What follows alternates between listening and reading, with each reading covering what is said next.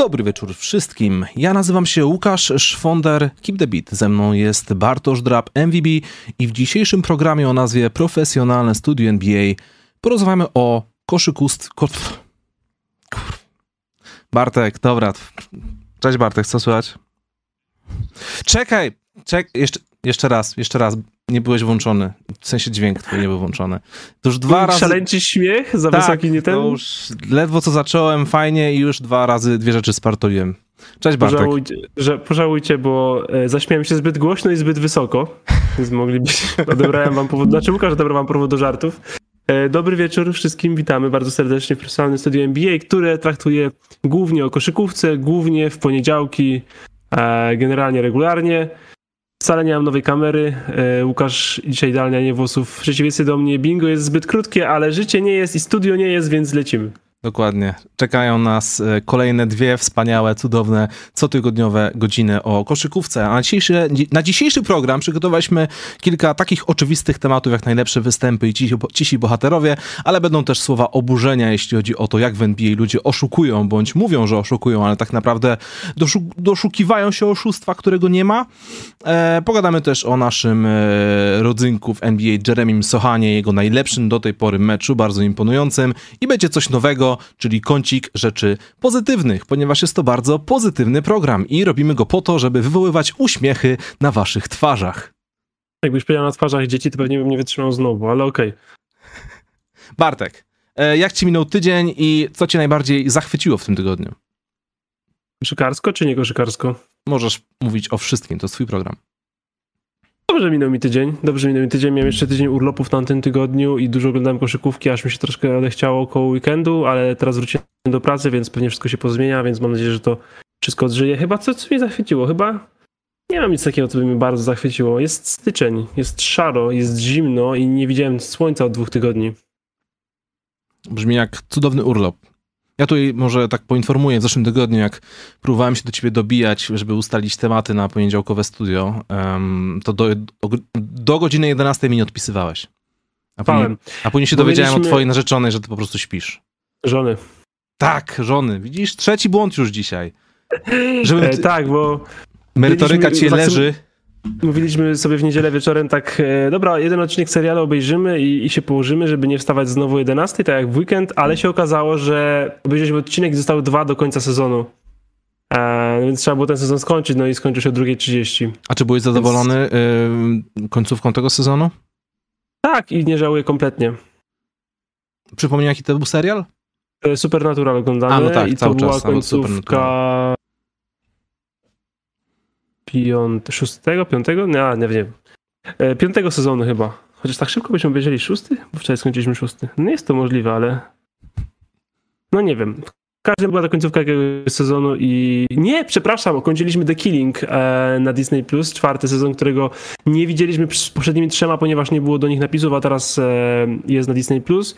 Więc oglądaliśmy końcówkę sezonu The Killing czwartego, zamykającego cały serial, a więc więc, więc było warto, niczego nie żałuję, spałem do 11.30. A ja, jeśli mogę się tutaj e, pożalić, um, ostatnie kilka miesięcy spędziłem żeby, na tym, żeby jeszcze raz obejrzeć pierwsze pięć sezonów House of Cards ponieważ moja narzeczona nie widziała tego serialu. No i wiadomo, że miał lepsze i gorsze momenty. Ale to wszystko robiłem też po to, bo chciałem w końcu obejrzeć szósty sezon, którego do tej pory nie widziałem. Jestem w połowie, Jestem zażenowany. Zaszlachtowali go. Zaszach, zaszlachtowali to gorzej niż gry o tron. Wyobraź to sobie? Przykro mi, przykro mi Łukasz. Ja nie, nie, nie znam skali bólu gry tron, ponieważ nie widziałem, ale, ale przykro mi bardzo, ponieważ włożyłeś dużo wysiłku, chciałeś uczciwie podejść do tematu, być na bieżąco, potrafić ładnie rozeznać się w sytuacji, obejrzałeś specjalnie pięć sezonów po to, żeby się rozczarować szóstym. Przykro mi. Końcówka House of Cards jest gorsza niż końcówki gry tron, Zagubionych oraz Dextera. Nie wiem, czy widziałeś Zagubionych i Dextera. Zagubienie mi się tak, bo to dawno oglądałem ich po prostu jak to wychodziło wtedy, już mi się tak mm. zmniejszało to, że ja nie pamiętam za bardzo. Wiem tylko, że się zaczęło psuć bardzo. Tak. Jedyny serial, który obejrzę jeszcze do końca to The Walking Dead. Zostało mi tylko ostatnie 8 odcinków. Czekam jak wskoczy na Netflixa, tudzież HBO. E, ja tam się akurat nie spodziewam żadnego szału, bo to już jest serial, który oglądam, że tak powiem, do prasowania, e, kontynuując żarty tego programu. I co, nie, e, nie oglądasz nigdy? No tak, w jednym okiem No, taka taki figura... Jest, The Walking Dead to są dla mnie tak, takie, takie... Taka metafora serialu, której się nie ogląda, tak? Po taki prostu. Friends, taki Friends. Albo chirurdzy. Okay, to, to, ja sobie do, do prasowania przechodzę Skyrima, ponieważ nigdy go nie przeszedłem.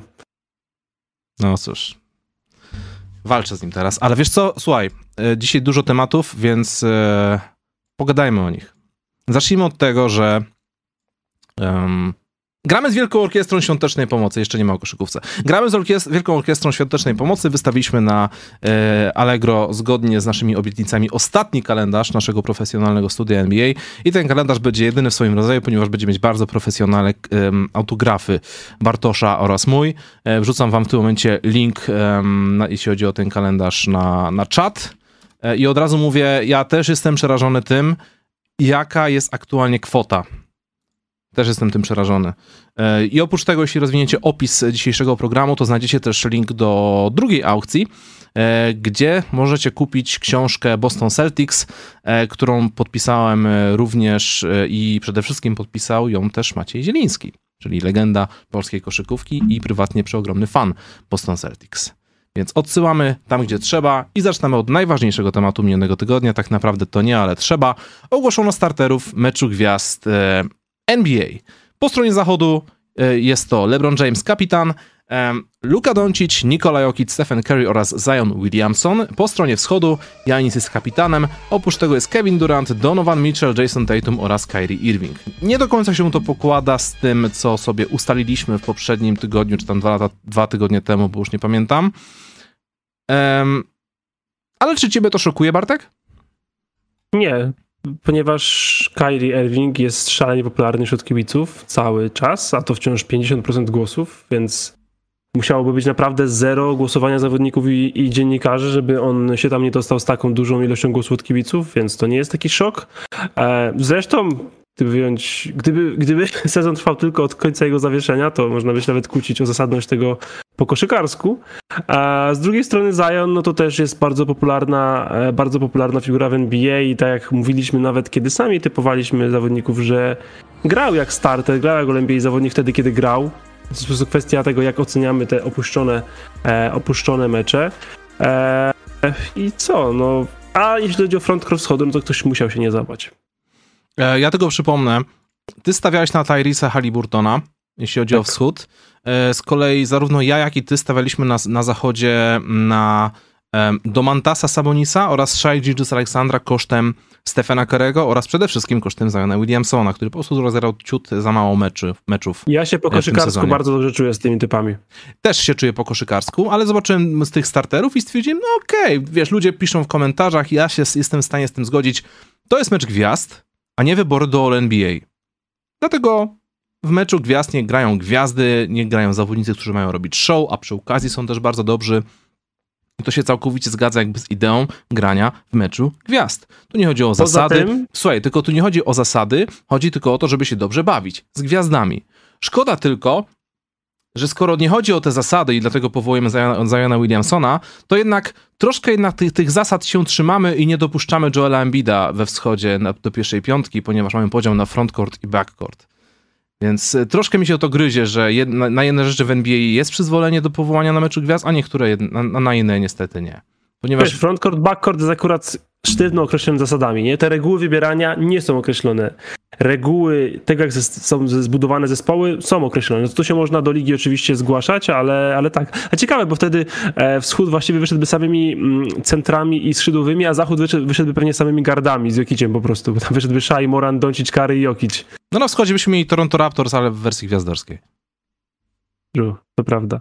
Eee, a jeśli komuś się bardzo nie podobają te, te, te piątki, to pamiętajcie, że są tylko pierwsze piątki i ci ludzie, którzy zasługują być może na tą... Znaczy, jeśli ktoś zasługuje na pierwszą piątkę, to najpewniej go trenerzy wybiorą. W sensie nie martwię się o to, że Haliburtona a, czy, czy Embida nie wybiorą trenerzy na ławkę, więc oni tak w tym meczu wystąpią, a nie ma różnicy, jeśli chodzi o legacy czy, czy, czy, czy, czy jakiekolwiek jakiekolwiek bonusy, czy wychodzisz z ławki, czy w pierwszej piątce.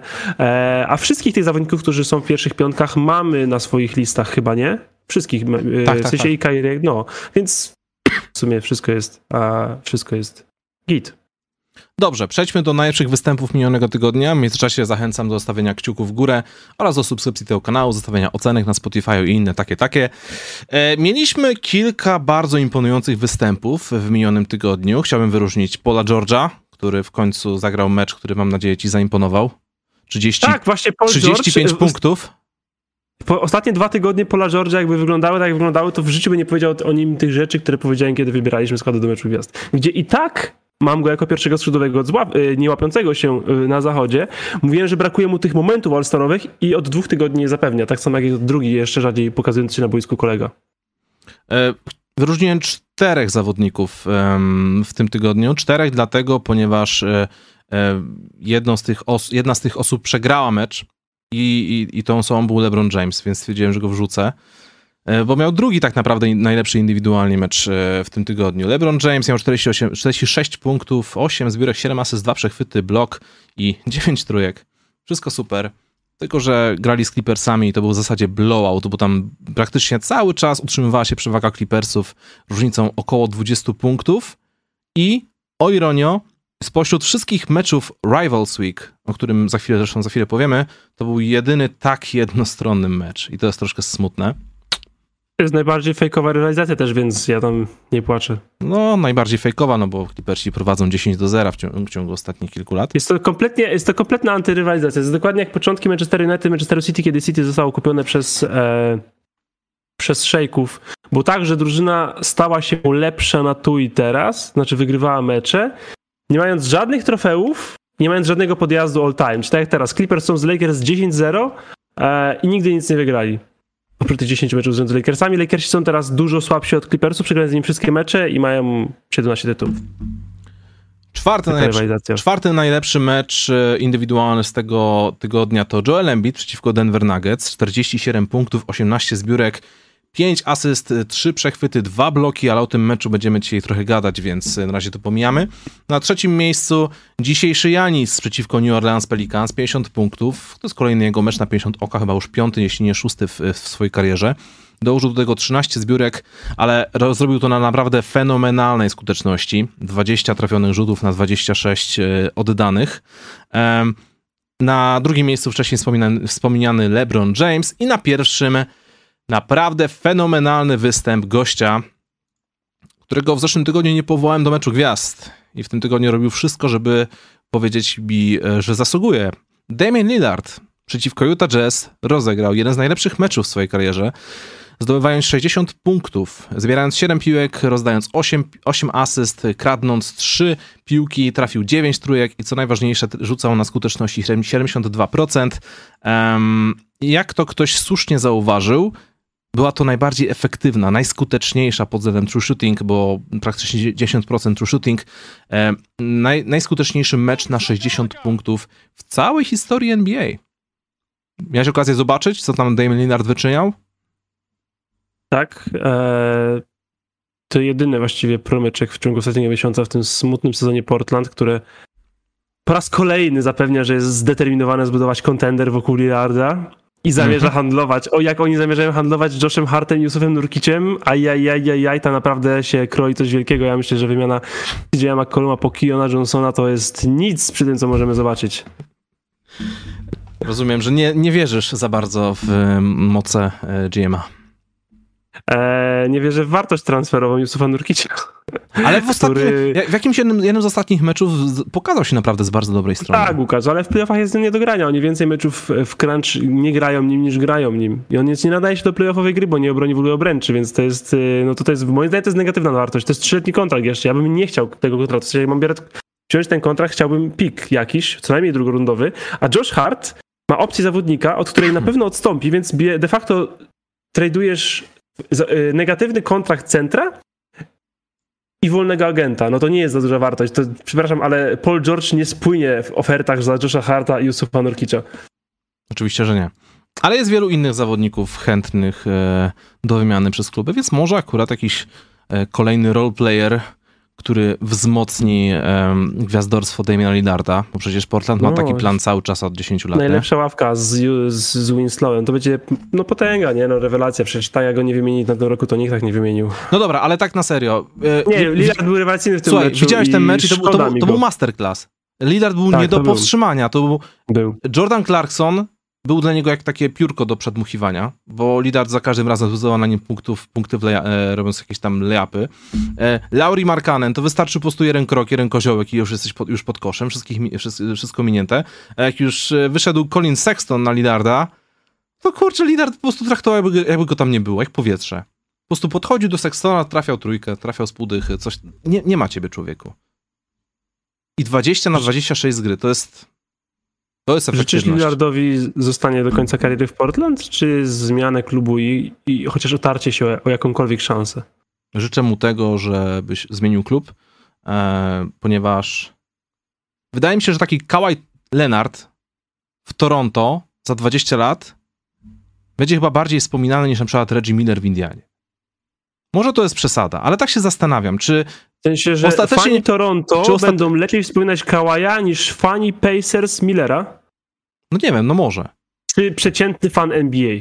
Przeciętny fan NBA, o, ten Przeciętny fan. NBA tak, będzie pamiętał Kawaja lepiej. Myślę, że się mogę z tym zgodzić. Ale jeśli chodzi o fanów Toronto Kawajem versus fani Pacers z Reggie Millerem, to jest trudne pytanie. No wiem, ale to widzisz, na przykład, jeśli jesteś takim fanem Portland, to chcesz mieć, y, chcesz mieć taką egoistyczną miłość, że słuchaj, Damien, musisz być ze mną do końca swych dni, nawet jeśli nic nie wygrasz, czy raczej chcesz, żeby, chcesz go wypuścić jak tak, idź Damien, bądź szczęśliwy gdzie indziej, życzę ci jak najlepiej. Ja myślę, że jakbym był fanem Por- Portland, to życzyłbym teraz Lillardowi lepiej niż swojemu klubowi i życzyłbym mu, żeby sobie gdzieś poszedł spróbować. No właśnie o to mi chodzi. Tak, i wrócił sobie do nas na koniec kariery z tyłem lub nie, ale to będzie smutna kariera. Chodzi o to, że jak on przegra całą karierę w Portland, pobije wszystkie ich rekordy oczywiście, bo to, bo, bo, bo to zrobi i będzie kochany i dostanie pomnik i, i, i oczywiście zastrzegą jego numer, to czy, czy to nie będzie smutna kariera? Bo to jest trochę smutna kariera. No to jest taka, że niewykorzystana w pełni, taki... Mamy te dwa wspaniałe game winnery kończące serię i one są rewelacyjne, Tak. ja je uwielbiam. Ale w gruncie rzeczy, jak sobie pomyśleć o takiej zwykły rok kariery Lillard, to jest jakieś rozczarowanie. To jest ktoś kontuzjowany, to jest ktoś w semi przebudowie, to jest ktoś odpadający w pierwszej rundzie. Tak, w tych sezonach jest więcej, nie? To były jakieś dwa, trzy fajne sezony, a ten chłopak tu już jest ile lat? E, Powinienem to wiedzieć, ale no, No to jest ktoś, który nigdy nie otrzymał odpowiedniej em, pomocy ze strony klubu, żeby osiągnąć sukces.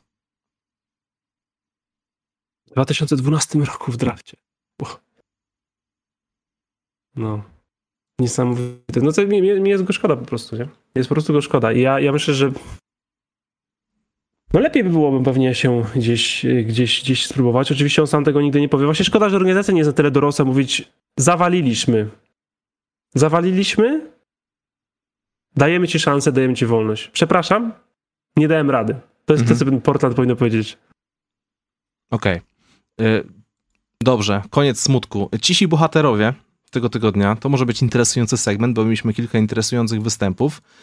E, W tym tygodniu podzieliłem sobie na takie dwie mini sekcje. Po pierwsze chciałem wyróżnić indywidualne mecze, a po drugie chciałem wyróżnić w zasadzie całe tygodnie zawodników. Więc jeśli chodzi o indywidualne występy, Kyle Anderson Kyle Anderson, Kyle tak jest, musi Anderson. być cichym bohaterem. Kyle tak Anderson jest. był niesamowity w meczu z Memphis, w meczu, w którym Minnesota wygrała, zdobył 34 punkty, rozdał 6 asyst, miał tam jakieś dwa przechwyty, e, jeden blok i ogólnie przy Rudim Gobercie wy... mam, mam takie wrażenie, że on przy Rudim Gobercie chyba ciut lepiej wygląda, albo przynajmniej ta gra wygląda ciut lepiej, ciut płynnie, niż, niż gdyby to był Karl Antony Towns. No Jakby panowie bardziej, bardziej rozumieli się ze sobą. E, Trey Lyles, czyli zawodnik, którego przypomnę, mm, głównie można zapamiętać z tego powodu, że został wymieniony za przyszłość Donowana Michela. E, aktualnie zawodnik Sacramento Kings, 24 punkty oraz 7 zbiórek przeciwko Memphis Grizzlies i Sacramento wygrało, także wow, cichy bohater, nie spodziewałbym się takiego meczu w jego wykonaniu. Ale numerem jeden, jeśli chodzi o indywidualne występy, to jest niesamowity, niesamowicie skuteczny super sniper morderca z Cleveland Cavaliers, Sedi Osman. 29 punktów, 11 na 13 z gry, 7 trójek na 7 oddanych. 100% skubanej skuteczności przeciwko Los Angeles Clippers i co najśmieszniejsze, zrobił to w 22 minuty. Po prostu wszedł, Z- wszedł zrobił swoje, powiedział I'm out, wiesz, upuścił mikrofon nara, nie? W blowoutie. Tak. Zniszczeniu Clippers. Chcesz zdobyć 34 punkty w pół meczu pierwsze. Tak. Clippers, którzy są na fali bardzo zwyżkowej ostatnio, bo są naprawdę w solidnej formie, dużo wygrywają. Kawhi i George zagrali nawet, widziałeś ten, że wow, Kawhi i Paul George zagrali cztery mecze z rzędu razem. I to był news, to był nagłówek, tytuł. Tak. Niesamowite. Chociaż nie wiem, czy się śmiać, bo w sumie to nie jest LeBron. z- Anthony Nie śmiejemy się, wygrali z. Lakersami. To jest nic nowego. Styron jest najlepszym trenerem w lidze po prostu. Eee, ale Cedi Osman, tak, widziałeś to też pewnie ten e, Wired Up, że Cedi Osman skakuje na piąte miejsce zaraz najlepszych strzelców za trzy w historii Cleveland. Tak, to jest niesamowite. Po prostu zastrzeżcie jego koszulkę, nie? nie. Jeszcze przypomnijmy, że wiesz, no, w Cleveland grali tacy zawodnicy jak chociażby Mark Price, więc, więc to też nie jest tak, że wspina się na liście bez nikogo. Dobra, y, mam jeszcze dwóch zawodników. Jakby jest to organizacja z raczej niedużą historią. E, Chciałem tutaj wyróżnić za całokształt kariery minionego tygodnia dwóch zawodników. Jeden nazywa się Nicholas Claxton, który w ciągu ostatnich em, ośmiu spotkań robi 20 punktów, 11 zbiórek na 80% skuteczności. I po prostu e, w jednym meczu ostatnim bodajże z Knicks, nie, nie pamiętam z kim, ale rozdał 6 asyst i były takie momenty, że czasem się zastanawiam, czy Nicholas Claxton nie korzysta z tego, że Ben Simmons nie robi tego, co ma robić Ben Simmons, więc Nikola, Nicholas Claxton zaczyna to robić. To on zaczyna nie stać pod koszem, tylko biegać, uruchamiać atak, bawić się w podawanie. To było coś takiego fajnego, y, odświeżającego i Nicholas Claxton jesteś po prostu niesamowity. Nie spodziewałem się, że będziesz aż takim dobrym graczem. E, A drugi zawodnik to domyślam się, że też o nim przygotowałeś laurkę. E, jeszcze Nicolas Claxton, e, bo to jest naprawdę świetny, świetny sezon tego zawodnika, którego ja fanem wielkim nigdy nie byłem. E, bo to, co mówisz o tym porównaniu do Bena Simonsa, to jest bardzo słuszne, bo to jest to, co Ben Simmons powinien robić, ale się boi, a Nick Claxton nie umie tego robić lepiej, ale się nie boi. Tak. Bo to jest tak, że Nick Claxton rzuca osobiste chyba gorzej nawet niż Ben Simmons, chociaż no może nie, bo Ben Simmons już prawie wolnych nie oddaje, ale się nie boi stawać na linii. Po prostu się daje faulować sześć razy, idzie na linię, trafia raz albo dwa. Ale idzie na kontakt za każdym razem, kiedy jest blisko kosza, chyba że może zakończyć to wsadem, to po prostu wtedy kończy wsadem. Jeśli jest jakiś dziwny, dziwnie twój obrońca wyskoczył gdzieś z tyłu i e, przeszkadza w handoffie, to po prostu fejkujesz handoff i idziesz kozłem do obręczy twardo. Mimo, że tam jest ktoś, e, jeśli to jest ktoś połowę mniejszy od ciebie, to się nie boisz go, tylko skaczesz z nim i jeśli cię walnie w ręce, to idziesz na linię. I po Dokładnie prostu to tak. robisz. Plus jesteś świetnym, twardym obrońcą i poza meczami z Joelem Embidem, e, Nikolą Jokiciem, chociaż wiem, że z Embidem ostatnio poradził sobie całkiem nieźle, Bardzo dobrze. No. a, no to jest kandydatem do All, all, all Defensive. Ja nie wiem nawet, czy nie First Teamu. No to Gdzie w all- życiu bym nie all pomyślał- defensive first team to już jest wysoko.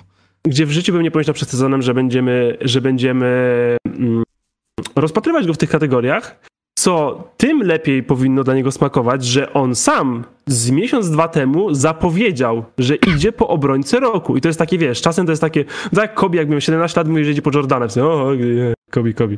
A potem rzeczywiście to zrobił, nie bał się, w sensie dał sobie na głos przed, przed faktem cel bardzo wysoki i rzeczywiście ta wiara w siebie, to co on chce robić, robi, pokazuje, że może to nie jest obrońca roku, ale no to jest jeden z 10 lepszych obrońców tego sezonu, myślę, że tak.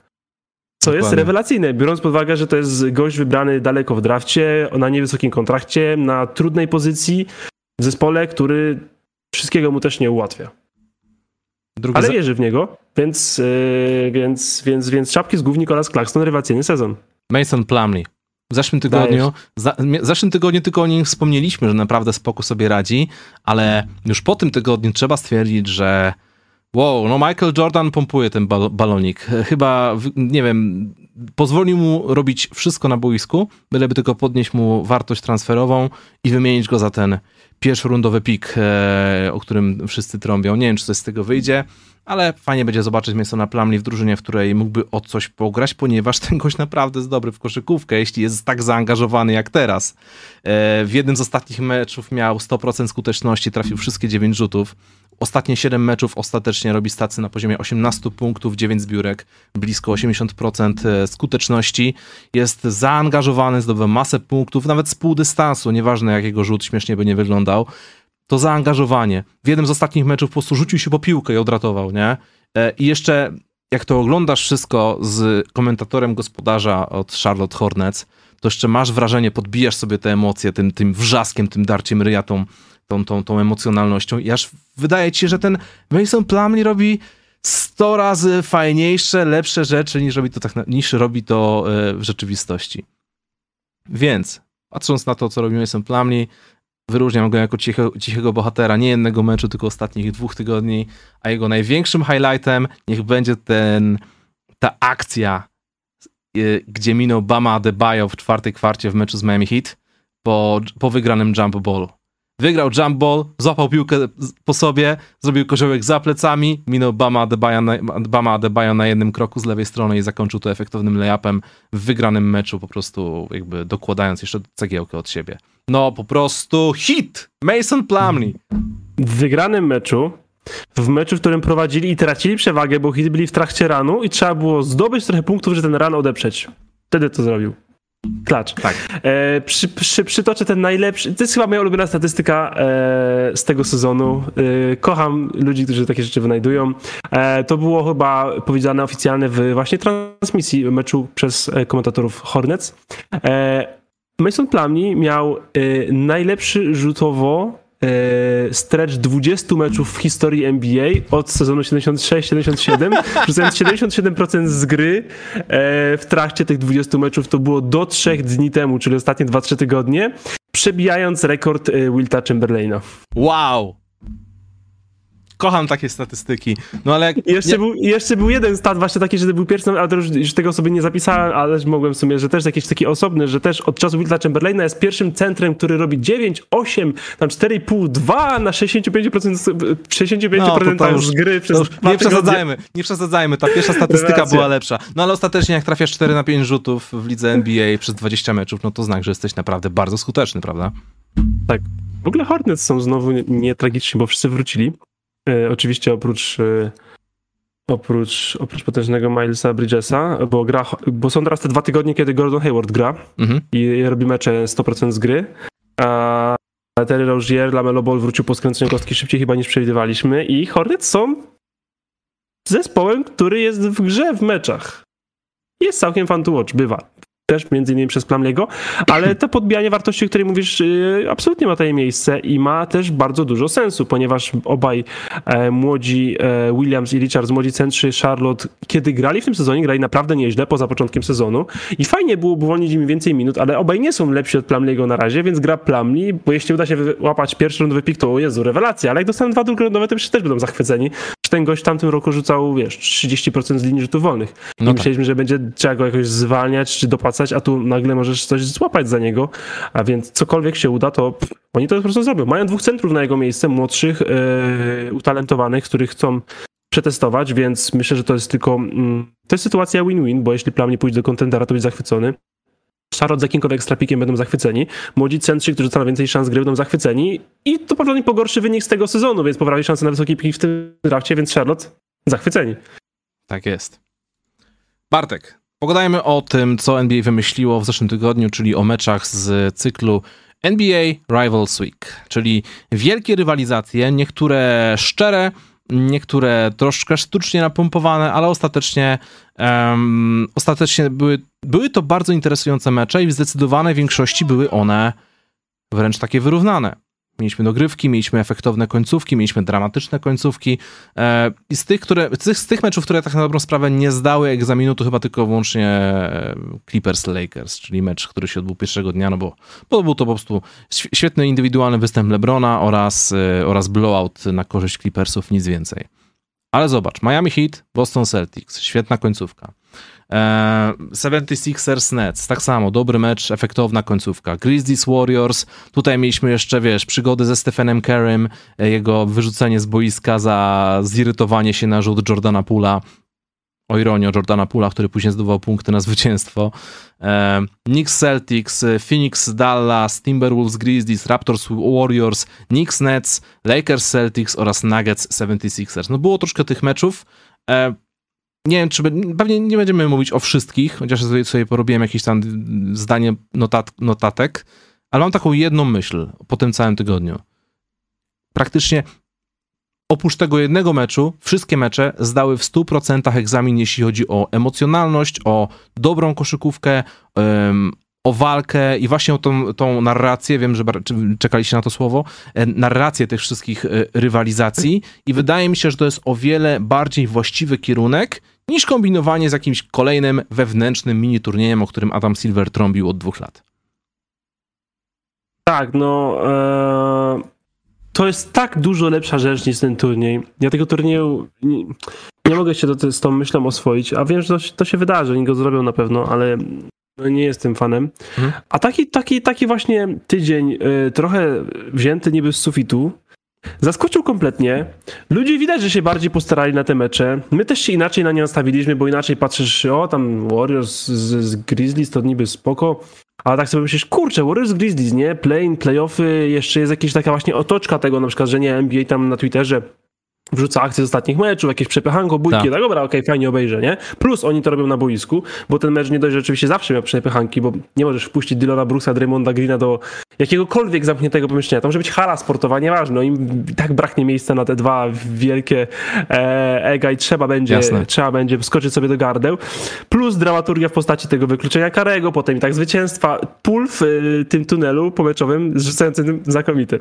No dobrze, że znaczy musiał wygrać, oczywiście jakby nie Verona, bym tego nie zrobił, ale jak wygrał i to Ale to musisz powiedzieć, bo nie każdy widział, nie każdy widział, co się tam wydarzyło. Okej, okay, e, Jordan Poole na półtorej minuty przed końcem oddał bardzo głupi rzut z 10 metrów, kiedy Stephen Curry był open, e, kompletnie wide open i Curry wracając do obrony wkurzył się i rzucił ochraniaczem tak po prostu w przestrzeń. No nie wiem, czy w trybuny po prostu tak machnął i rzucił ochraniaczem i dostał e, i wyleciał z meczu. Po prostu sędzia to widział, od razu go wykluczył z meczu i Curry poszedł do szatni, a po czym Warriors ledwo, ledwo obronili się w końcówce i wygrali game winnerem właśnie tego Jordana Pula po dobrej bardzo zagrywce z autu.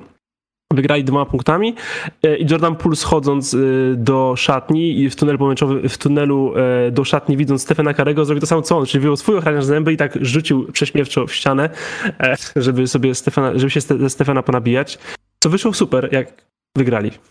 Ja jestem fanem tego, że Jordan Poole um, jest takim właśnie młodzieniaszkiem, który jakby nie boi się kontestować hierarchii wśród starszych że to nie jest, to już, to już nie jest to pokolenie, w którym młodzi muszą walczyć o swoje miejsce i w ogóle, wiesz, walczyć o szacunek starych. Nie. Po prostu jeśli jesteś na tyle dobry, to pokazujesz im czasami, że masz swój charakterek i, i czasem robisz takie rzeczy. Mi się to akurat bardzo podobało. Było to złośliwe, ale nie było takie mm, nieprzyjemne, nie było takie hamskie. Nie, to, to, to, to był sztyczek, to był sztyczek po tak, prostu. bo było widać już jak szedł do niego, jak była kamera na Karego, że Kary wyluzował. W sensie nie to, że był zły na niego i czekał, żeby na niego nakrzyczeć, mhm. e, jak George, George Niang chciał z Shakiem Miltonem w podejściu na, na timeout, tylko miał już luz z tym, śmiał się, okej, okay, dobra, głupio wyszło, ale wygraliśmy, nie, to jest najważniejsze. I wtedy Pól, wydaje mi się, jak tak zobaczył dopiero, to poszło, posz, poszedł, poszedł e, luźno i zażartował sobie. To było naprawdę spoko. Jak myślisz, czemu zabrakło wielkiej rywalizacji podczas NBA Rivals Week Knicks-Hawks? Czy to jest wielka rywalizacja? Przecież jakby Trey Young rzucał 40% za 3, to być może by było tak. W tym sezonie. Ale... Uciszają go, uciszają go. Ghosting. Trey Young sam się trochę ucisza. Ja nie, to jest bardzo dziwny sezon Atlanty. Ja myślałem, że oni będą naprawdę dobrzy, ale to jest... Ja nie, nie, nie potrafię ich w ogóle rozgryźć. Naprawdę nie potrafię, nie potrafię ich rozgryźć, ale może, może dzisiaj nie o Hawks. Eee, no z tego Rival, Rivals Weeks mieliśmy jeszcze śmieszniejszy faul techniczny, czy to, czy to jeszcze za wcześnie? O tym za chwilę, o tym za chwilę. Dobrze. Czekajcie, bo to będzie to jest najgorętszy temat na dziś, Lakers Celtics. Um, ja to mam na liście... Co pan jest najgorętszy, Łukasz? Też, oczywiście. Mamy jeszcze na dzisiaj kącik rzeczy pozytywnych, Jeremy Sohan, e, Lakers Celtics oraz wielki pojedynek gigantów, czyli coś co fani koszykówki lat 90. mogliby docenić, gdyby oglądali współczesną koszykówkę.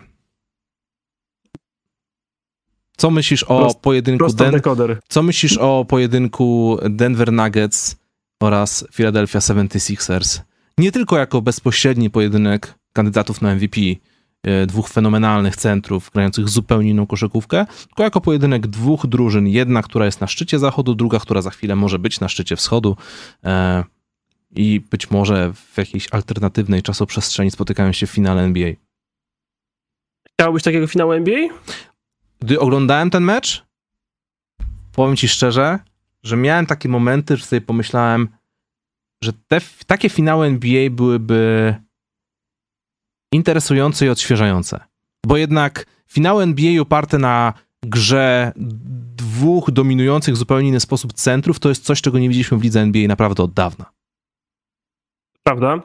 Wiesz co, ja sobie pomyślałem, oglądając ten mecz, niestety, z dla top 2, top 2 drużyn obu konferencji. Mhm. Eee... Chciałbym widzieć więcej gwiazd w finale niż tylko dwie. Jeszcze jest James Harden. No i właśnie o to chodzi, też między innymi. Zdecydowanie. Gordon. Który, którzy być może są all-starami, ale to nie są gwiazdy największej sceny, jakie chciałbym widzieć w finale, gdzie chciałbym widzieć ich więcej niż dwie. Chyba, tak sobie pomyślałem. A... No nic, muszę się przespać z tą myślą jeszcze. Bo nie powiem, że był to oczywiście zły finał, ale jakoś wydaje mi się, że tego Star Parechy życzyłbym sobie w finałach więcej, więc ze wschodu to chyba musiałby być Boston. A z zachodu to nawet nie wiem, ale Znaczy, sam mecz... Ja, ja się nie bawię w typowanie, bo to u mnie się zmienia co kilka dni. E, Nie, no to jest wiadomo, to y, do początku playoffów nawet nie ma sensu e, takie, takie coś, bo się wszystko jeszcze może tak. zmienić. Ja, ja tak rzeczy, i- życzeniowo sobie po prostu myślałem, że z zachodu Nuggets albo Warriors, e, ze wschodu Bucks bądź Celtics, ale po tym meczu uznałem sobie, że, że ten pojedynek jest na tyle interesujący matchupowo i też jeśli chodzi o gameplan, że, że może, Six, że może 76ers też to byłoby interesujące. No takie wiesz. Myślę czasem, Bartek, o tej koszykówce. Tak, trzeba trochę myśleć. Trzeba czasem nawet jakieś takie głupie pomysły, na przykład, y, wiesz, takie na, na, naprawdę dziwne, nieracjonalne i obrazoburcze trzeba rzeczy sobie konfrontować w głowie, bo inaczej nie będziesz miał dobrych argumentów i nie, nie przemyślisz tego wszystkiego. Czasem na przykład czasem siąść i powiedzieć, czemu Cleveland Cavaliers mają nie wejść do finału w NBA? I bronić tego versus własna głowa z rękami i nogami. I można Tak. czasem dojść do bardzo fajnych wniosków. Wracając do meczu. Tak. Bo zadałeś mi o niego pytanie, a ja e, troszkę uciekłem, za co przepraszam. Bardzo mi się podobało to, że Embiid miał taką motywację. Bo było widać, że miał taką motywację, że oj, miał stąd do Chin motywację, naprawdę. Było to widać, że chciał tam przyjść i być najlepszy. Ale zanim to, się, zanim to się stało, musiało wydarzyć się coś bardzo ważnego. To Ponieważ, znaczy? ponieważ w pierwszej połowie to Denver Nuggets prowadzili i to oni A, trzymali, zmianę trzy, taktyczną. tak, trzymali tę grę, a Joel Embiid e, po prostu sukcesywnie był wyciągany spod kosza e, przez Jokicia. I to miało być Jokic Masterclass, po czym w połowie Doc Rivers stwierdził, że dobra, musimy troszkę zmienić krycie.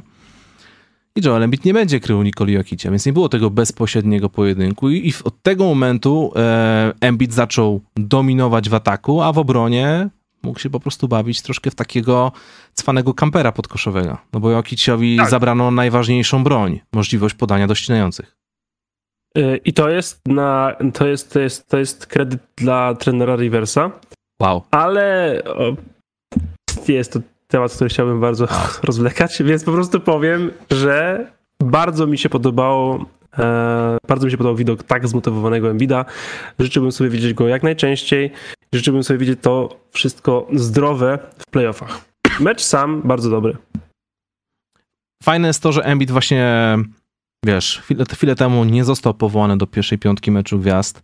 E, Kolejny rok z rzędu, przez dwa lata był, wiesz, e, głównym Drugi. kandydatem do MVP, drugim kandydatem do MVP, nie udawało mu się tego zdobywać. W zeszłym roku to raczej Jokic wygrywał te pojedynki, a teraz Embiid wyszedł, NBA Rivals Week, e, mecz transmitowany, wiesz, głośny temat i wyszedł i tak mówisz, e, był, był zaangażowany, był dominujący, chciał naprawdę bardzo się pokazać i zrobił to. Rozegrał naprawdę, e, naprawdę fenomenalny mecz i był to mecz przeciwko Jokiciowi, a nie z całym szacunkiem Utah Jazz i Kaliemu Olinikowi, o czym gadaliśmy w grudniu, prawda? I nawet wiesz, są, są takie momenty jak, taki, jak ten highlight. Embiid wyciąga um, Jokicia na pół dystans i wiesz, rzuca mu jeden, drugi, trzeci rzut z pół dystansu, ale w końcu, przychodzi ten moment i robi crossover z lewej na prawą. Jokiś leci w drugą stronę, po czym Embiid widzi, że już ma pustą drogę pod kosz i wali taką mocną pakę, wiesz, taki reverse py- pyknął. I sobie myślisz w tym czasie, kurczę, 20 lat temu jak Shaquille O'Neal tak zrobił raz czy dwa, to się tam ty, tak, tak się tym zachwycaliśmy, jakie to było zwrotne, mobilne, wszechstronne, przecież tak się nie robi, nie? A teraz patrzę na takiego Embida i ej, to jest element jego umiejętności technicznych. To nie jest jakiś tam, wiesz, jednorazowy przypadek, bo miał okazję coś takiego wykonać. Zrobił ten ruch na podwójnym MVP e, ligi NBA i jakby to było To takie proste, Ten nie? ruch był rewelacyjny. Ten, ten ruch to był rewelacyjny. To jest y, jedna z najlepszych indywidualnych akcji tego tygodnia, dwóch bez żadnego problemu. To naprawdę rewelacyjny ruch podkoszowy. James Harden próbujący ukraść piłkę z ławki rezerwowych.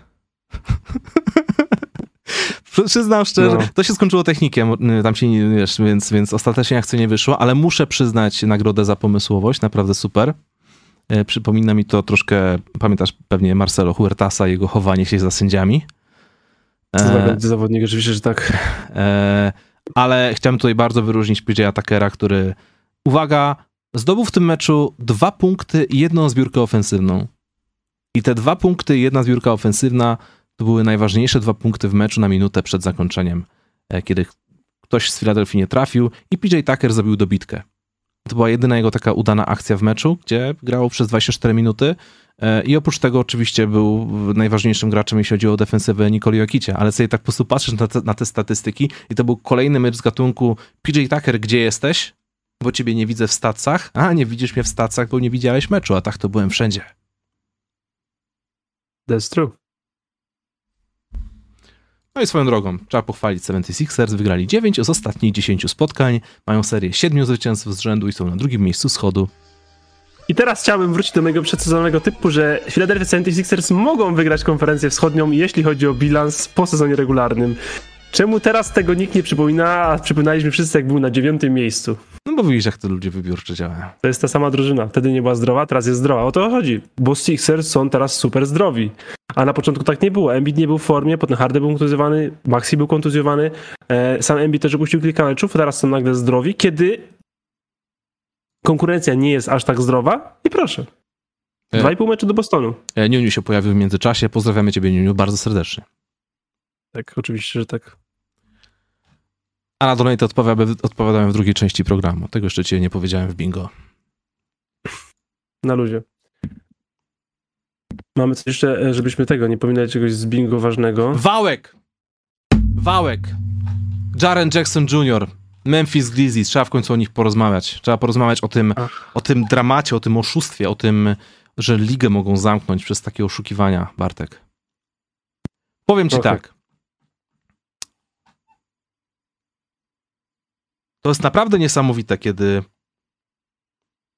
jesteś takim użytkownikiem wykopu i wynajdujesz jakieś rzeczy, które niekoniecznie muszą zgadzać się z rzeczywistością, ale piszesz dość wiarygodnie na ten temat, w taki sposób, że na przykład ta branża, której dotykasz, którą jakby wyjaśniłeś, że oszukuje, zaczyna zwracać, e, zaczyna się zastanawiać, czy przypad- przypadkiem to nie jest prawda.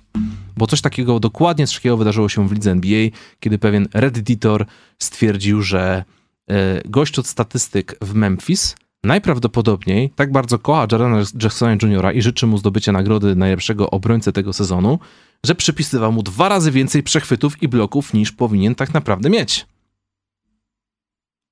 Średnia, średnia bloków Jarena Jacksona, Jacksona Jr. na wyjeździe to dwa, a u siebie w Memphis cztery. Jak to wyjaśnić? Więc zrobili drobne dochodzenie. Niektórzy bookmacherzy w ogóle usunęli głosowanie na, na, na, na obrońcę, na obrońcę sezonu, tak. bo zaczęli wierzyć to ze względu na te wielkie obliczenia jednego z tych, z tych z tego redditora, który to wszystko zamieścił. Koniec końców policzyli to, sprawdzili ujęcia, e, kilka klipów YouTube'owych powstało na ten temat i skończyło się tak jak zwykle, Bartek. Nie ma dramy, Nie ma konspiracji, nie, nie ma konspiracji, niestety. ma oszustwa, nie ma spisku. Nie ma, nie, po prostu wychodzi na to, że jedyne, co możemy tutaj, e, o, o co możemy oskarżyć Jarena Jacksona, Jacksona Jr., to to, że może po prostu w Memphis u siebie jest ciut bardziej zaangażowany w obronie niż na wyjazdach. Gdzie ogólnie i tak jest strasznie zaangażowany w obronie. Dokładnie. Aż za bardzo trochę, bo on czasem powinien po prostu wyluzować, troszeczkę zwolnić, e, bo te jego niektóre faule to po prostu wynikają z tego, że Jaren Jackson Jr. nie jest w stanie się powstrzymać. I po prostu wpada na ludzi, wskakuje w nich, wbiega w nich, wypada za boisko w ogóle, już wtedy się, wtedy chyba lepiej, żeby sfaulował. E, I tak i nie ma dramy i wciąż pozostaje faworytem prawdopodobnie, bo te statystyki, pierwszy mecz po aferze, pięć bloków u Aj. siebie na hali. I skomentował to później mówiąc I beat the case. Dokładnie, Fajne to jest. dokładnie. Więc y, nie ma dramy, ale ten post, ja w, w ogóle widziałem go, jak był jeszcze tak w miarę świeży, to miał parę godzin, już był na głównej. Ten post był po prostu Eee, esejem. Tak, bo ja i- zacząłem go, zaczę, bo wiesz, tytuł by mnie zaciekawił, więc zacząłem go czytać, e, zacząłem go czytać, ale widzę, że tam, miałem, wiesz, tak z 5 minut, jak, ja, wchodzę na Reddit właśnie, jak mam tak, wiesz, 2, 3, 4 minuty, że sobie przewinąć tytuły, zobaczyć, co mnie tam interesuje, poza oczywiście porankiem, rankiem e, trochę więcej tam czasu spędzę.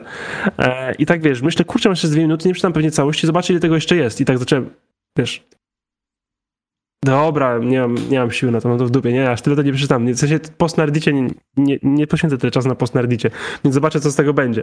I potem wchodzę, powiesz, po, po, po, po, tam jakieś 6-8 godzinach patrzę, o Jezus Maria, była burda z tego, nie? Ale już minęło tyle czasu, że zrobiła się burda i zdążyła się już wyjaśnić, bo już tam Kevin O'Connor i inni powiedzieli, Tak. obejrzałem wszystkie bloki w historii Jarena Jacksona Jr. i proszę bardzo, co znalazłem? Nic. A więc już było po wszystkim, po wszystkim e, i cieszę się, że nie spędziłem tych 10 minut na czytanie tego postu. Ja również. To, to jest generalnie coś takiego, że witamy w internecie, czyli e, im, więcej napiszesz, tym, tym bardziej e, oznacza, że masz rację. Bo tak naprawdę nic, nikt niczego nie czyta, nikt niczego później nie sprawdza. Fact-checking nie istnieje. I to jest troszkę smutne, że tak to wyszło, Tego że... fajnie, że są profesjonalni dziennikarze, którzy mają za to płacone, mają dużo czasu na takie rzeczy, gdzie ktoś sobie może, a obejrzę wszystkie bloki Jacksona Jr. z tego sezonu. Podsumowując, e, Jaren Jackson Jr. u siebie e, miał przypisane 66 bloków, a tylko przy trzech z nich można było się zastanawiać, czy na pewno powinny być mu naliczone, więc trzy bloki z 66 to chyba nie jest jakaś...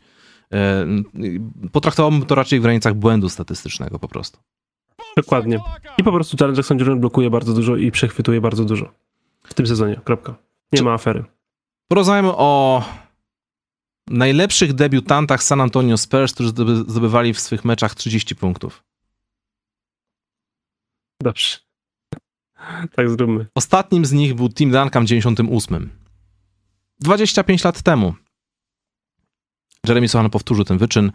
Em, w ostatnim meczu przeciwko Phoenix Suns e, 30 punktów, 11 na 25 z gry, 3 trafione trójki, 5 rzutów wolnych, wszystkie wpadły, 8 zbiórek, w tym 3 w ataku, oprócz tego 5 asyst i to wszystko zrobił w 39,5 minuty e, i miał bardzo ważną trójkę, e, taki eufemizm, kałajową mocno, e, na półtorej minuty przed końcem, która dała zaledwie jeden punkt straty do Phoenix.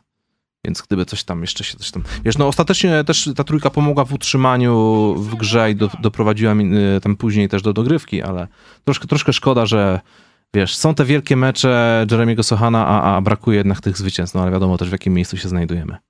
Tak, nie przykładam do tego uwagi. Przy, przy, nie przykładam do tego uwagi. Przykładam uwagę do tego, ile oddaje rzutów, ile z nich trafia, ile gra na boisku, ile dostaje akcji na siebie.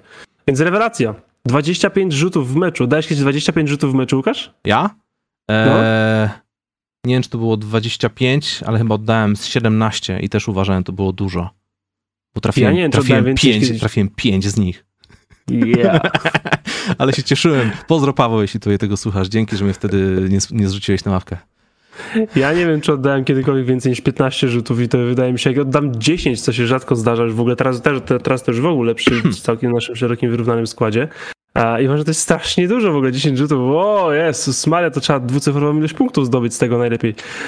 A tu chłopak oddaje 25, ma 19 lat, zdobywa z tego 30 punktów, gra z y, niezłymi ostatnio Phoenix Suns, nie boi się niczego, zapewnia sobie highlight. On zawsze do tych dobrych meczów dorzuca jakiś taki highlight, że, Tak. że, że fajnie, że nie tylko e, wiesz, nerdzi, nerdy i, i, i, i dziennikarze, którzy mówią o Sochanie bardzo dużo, to zauważą, tylko wszyscy to zauważą, bo jest w top 10 albo gdzieś po Twitterze sobie pośmiga e, i dorzucił sobie highlight, ten putback, e, ten, ten, wsad, e, ten wsad z dobitką e, i po prostu ogólnie w, po stronie atakowanej świetny, kompletny mecz. E, tak jak mówisz, e, najfajniejsze było to, że się nie bał. Te 25 rzutów nie wzięło się znikąd. Niestety, miał też kilka takich prób, e, że, że, tak powiem, nad którymi można było się zastanowić, czy były właściwe, no ale to też jest taka kwestia, że jak jesteś debiutantem, to, to po prostu popełniasz takie błędy. Mi się, robisz błędy, no musisz tak, robić błędy. Dokładnie. Mi się, to, mi się akurat to bardzo podoba, no mówimy o San Antonio Spurs, mówimy o Gregu Popowiczu. On e, nigdy nie był e, trenerem, który tak pozwalał debiutantom szaleć. I wiadomo, że mam troszkę inną historię, bo to już nie jest drużyna, która walczy o cokolwiek, tylko to jest drużyna tankująca, więc możesz pozwolić sobie na to, żeby debiutant szalał, no ale mimo wszystko 25 rzutów to jest naprawdę bardzo, bardzo dużo jak na, jak na, na, na możliwości Grega Popowicza i to mi tak daje takie, mm, że y, taki wiesz, taki bardzo, taką bardzo pozytywną myśl. Pop musi najwidoczniej uwielbia Jeremiego Sohana i naprawdę widzi w nim potencjał i pozwala mu na to i chce sprawdzić, jakie są jego ograniczenia, możliwości, również mentalne, jeśli chodzi o decyzyjność i to jest naprawdę super. Tak jak mówisz o tych highlightach, y, ten wsad y, był spoko, ale podobało mi się to, że ten wsad nastąpił dwie sekundy po tym, jak nie trafił własnej trójki. Więc wiesz, budujesz trójkę, nie przejmujesz się, bierzesz na atak, o, dobitka, super. Więc wiesz, to jest mental, to jest psycha, to jest super, nie? Bierzesz Chrisa Pola na plecy, patrzysz, że to jest Chris Paul, jesteś od niego tam 30 cm wyższy, rzucasz mu pół dystans w twarz. Super, Chris Paul, nie zablokujesz Słuchałeś mnie. wywiadów Patryka Beverleya w tak. trakcie off-season. Wiesz, że nikt się nie boi Chrisa Pola i trzeba z nimi jechać. Na przykład. Wiesz, y, w drugiej połowie zaczynasz bawić się w rozgrywającego i widzisz ścinającego Malaki Branama i dajesz mu centralnie podanie między obrońcami niczym jakiś Nikola Jokic, nie? No i przede wszystkim to wejście wzdłuż linii kosza, e, wzdłuż linii, e, kiedy zakończył ten taki e, layup z drugiej strony kosza, to według mnie to była jego najlepsza akcja, najbardziej taka efektowna, pokazująca jego mobilność w powietrzu, decyzyjność, taką szybkość podejmowania tej decyzji, więc e, naprawdę bardzo super, e, bardzo, bardzo dobrze się to oglądało, świetny mecz Jeremiego Sohana um, i, i, i co teraz? Na co teraz czekamy? Na triple-double czy na mecz 40-punktowy? Triple double. Triple double. Albo 5, albo 5, 5, 5, 5, 5. Ja bym bardzo U, chciał. O, to byłoby 5 super. razy 5.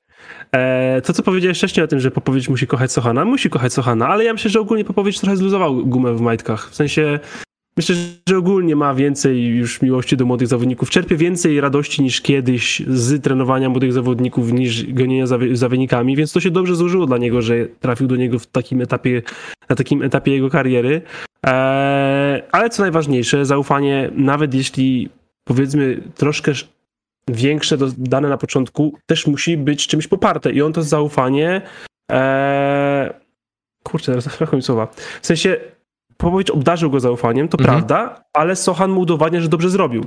Bo się rozwija, bo się poprawia, bo go słucha e, i ten progres jest widoczny gołym okiem i takie mecze są tylko wisienką na torcie, ale to jest, to, to, co powiedzieliśmy, to nie jest tak, że wiesz, to jest 30 punktów, bo rzucił e, 10 na 15 za 3 i nic więcej nie robi w meczu. To jest w całym boisku po stronie atakowanej bardzo dobry, kompletny mecz i to cieszy.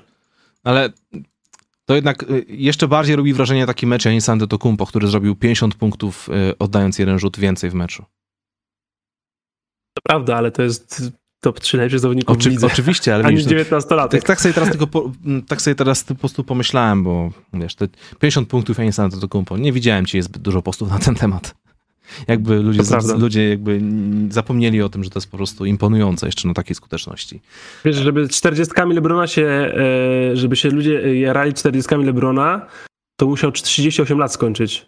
Bo przez ostatnie 6 lat już nikt praktycznie tego nie robi. Od, tej, od tej 50 w finałach ja mam wrażenie, że w ogóle się nie przejmowano meczami Lebrona praktycznie kompletnie i teraz musiał skończyć 38 lat, żebyśmy to, o kurde, jest dobre 48 punktów rzucił żebyśmy, żebyśmy to właśnie zrobili. I tak samo Janis i pewnie Jokic za 2-3 lata będzie tym samym właśnie po dwukrotnym, trzykrotnym MVP, który już nie jest y, może taki dla nas nowy, szokujący, wybuchowy, w czymś rewelacyjny będziemy już patrzeć, wiesz, będziemy wtedy patrzeć na Lamelo Bola zamiast doceniać Nikolę Jokicia za 3 lata.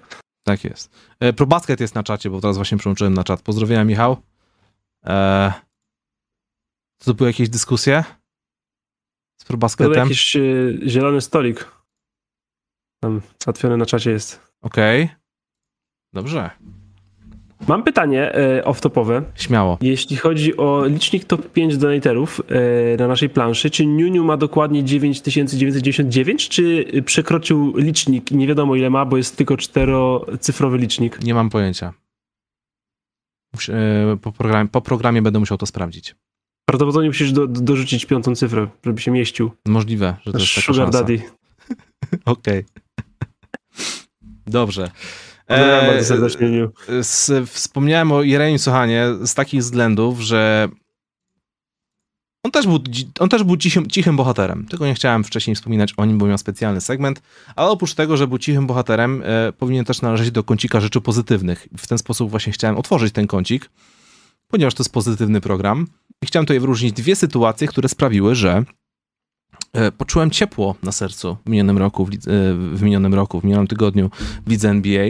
Pierwsza rzecz taka się wydarzyła na konferencji e, Lakers, e, kiedy to Russell Westbrook, który jest znany z tego, że raczej nie lubi rozmawiać z dziennikarzami, jest wobec nich nieprzyjemny, bo często zadają mu e, trudne, niewygodne pytania, coś mu insynuując i w ogóle.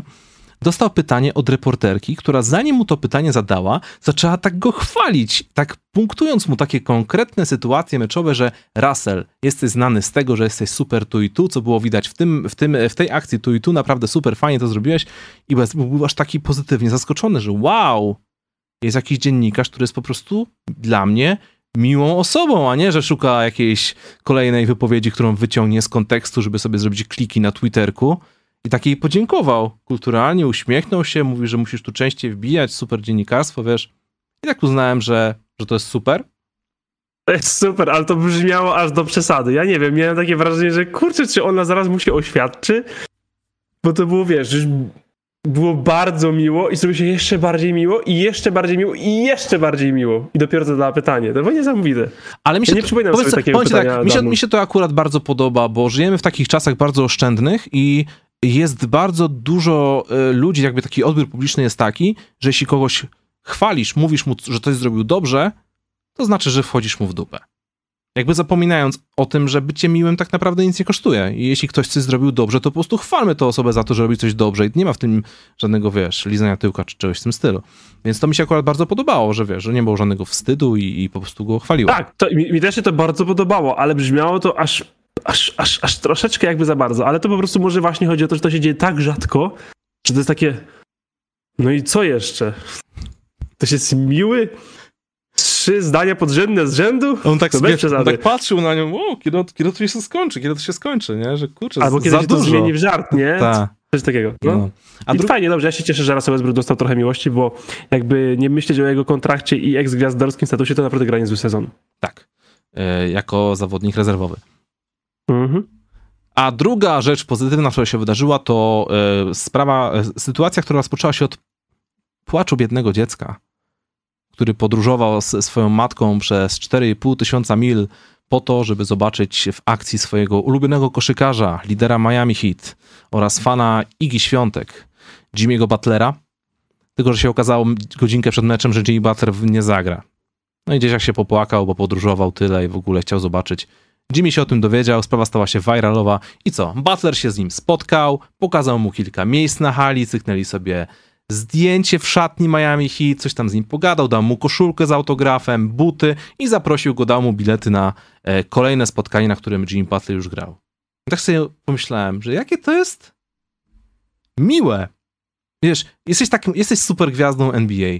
Ile cię kosztuje taki gest? Nic, godzinę czasu. Wiadomo, że godzina czasu dla zawodnika NBA, a nawet dla gwiazdy NBA, to jest tak strasznie dużo, nie ukrywajmy. No ale mimo wszystko, robisz coś takiego raz na jakiś czas i super sprawa. Nieważne, czy robisz to dla PR-u, e, dla siebie, czy, czy właśnie dla tego fana. To jest po prostu super sprawa. Więc uznałem, że to jest jakby e, złoty medal e, dzisiejszego kącika rzeczy pozytywnych. Podpisuję się.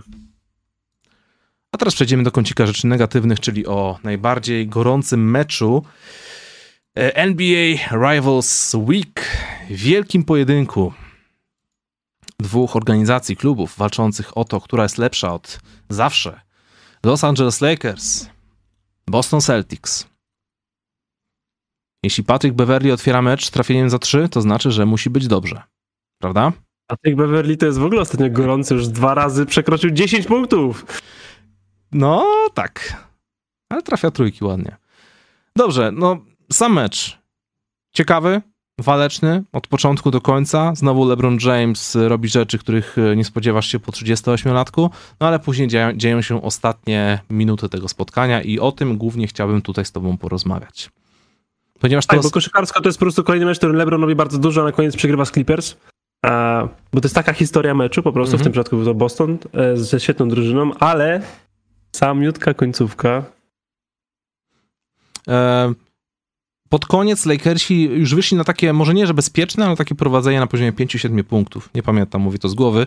E, ale 18 sekund przed końcem wydarzyła, się rzecz, której, się, z której byś się nie spodziewał nigdy, ale którą fajnie zobaczyć, jak już się wydarzy, czyli Patrick Beverly e, zrobił putback. Chciałbym żeby, chciałbym, żeby robienie putbacków w NBA za jakiś czas można było określać na przykład z przymiotnikiem przy sochaniu. To by było dobre, no. Szczególnie, że tak na razie to robi się trochę jego taki, taka, taka, No taka już, znana już, miał, kil, już miał kilka takich putbacków w tym sezonie, więc, więc powiedzmy, zaczynam, zaczynam trend. E, Patrick Beverly przy sochaniu 18 sekund przed końcem. Później było pu- pudło Jalena Browna, e, foul i jeden trafiony rzut Patricka Beverleya. Lakersi prowadzą 105 do 102. I nagle, po drugiej stronie, Brown dobija po zbiórce, ofensywnych, po, po zbiórce ofensywnej dwa punkty, jest faulowany, trafia rzut wolny, trzy punkty, więc mamy 105 do 105 i ostatnia akcja, LeBron James widzi, że ma tam pół kroku, y, wiesz, przed tym, żeby minąć Malcolma Brogdona, e, więc robi to bez większego problemu. Biegnie na layup, na lewą rękę, rzeczy, które robił milion razy w swojej karierze i nie trafia tego layupu. Nie ma gwizdka, nie ma niczego, idziemy do dogrywki, a LeBron James wpada w szał, który na początku wydaje się być takim y, przesadzeniem, że naprawdę zachował się no bardzo, bardzo, tak powiem, Reagował. przereagował nieprofesjonalnie, ale po tym, po, po czym widzisz e, powtórkę w slow motion innego kąta kamery i widzisz taki chamski hebel Jasona Tatuma, który zostałby zagwizdany w każdej koszykówce, w każdej erze, nawet w latach 90. Tak tylko przypomnę. 99 na 100 przypadków. Nawet więcej. I dzieje się coś takiego. No i przychodzi dogrywka. W dogrywce Lakersi już spompowani, e, zirytowani. Celtics trafiają więcej rzutów, wygrywają i tyle. Po meczu. Siła ducha jakby padła, nie? Tylko, że właśnie tej dogrywki by nie było, gdyby nie ten ewidentny błąd sędziowski, do którego zresztą później sędziowie się przyznali, napisali bardzo dramatyczne przeprosiny. E, Twitterze. Jezu, jakie te przeprosiny były. E, We made one at the end of last night's game and that is gut-wrenching for us. To nas wykręca od środku.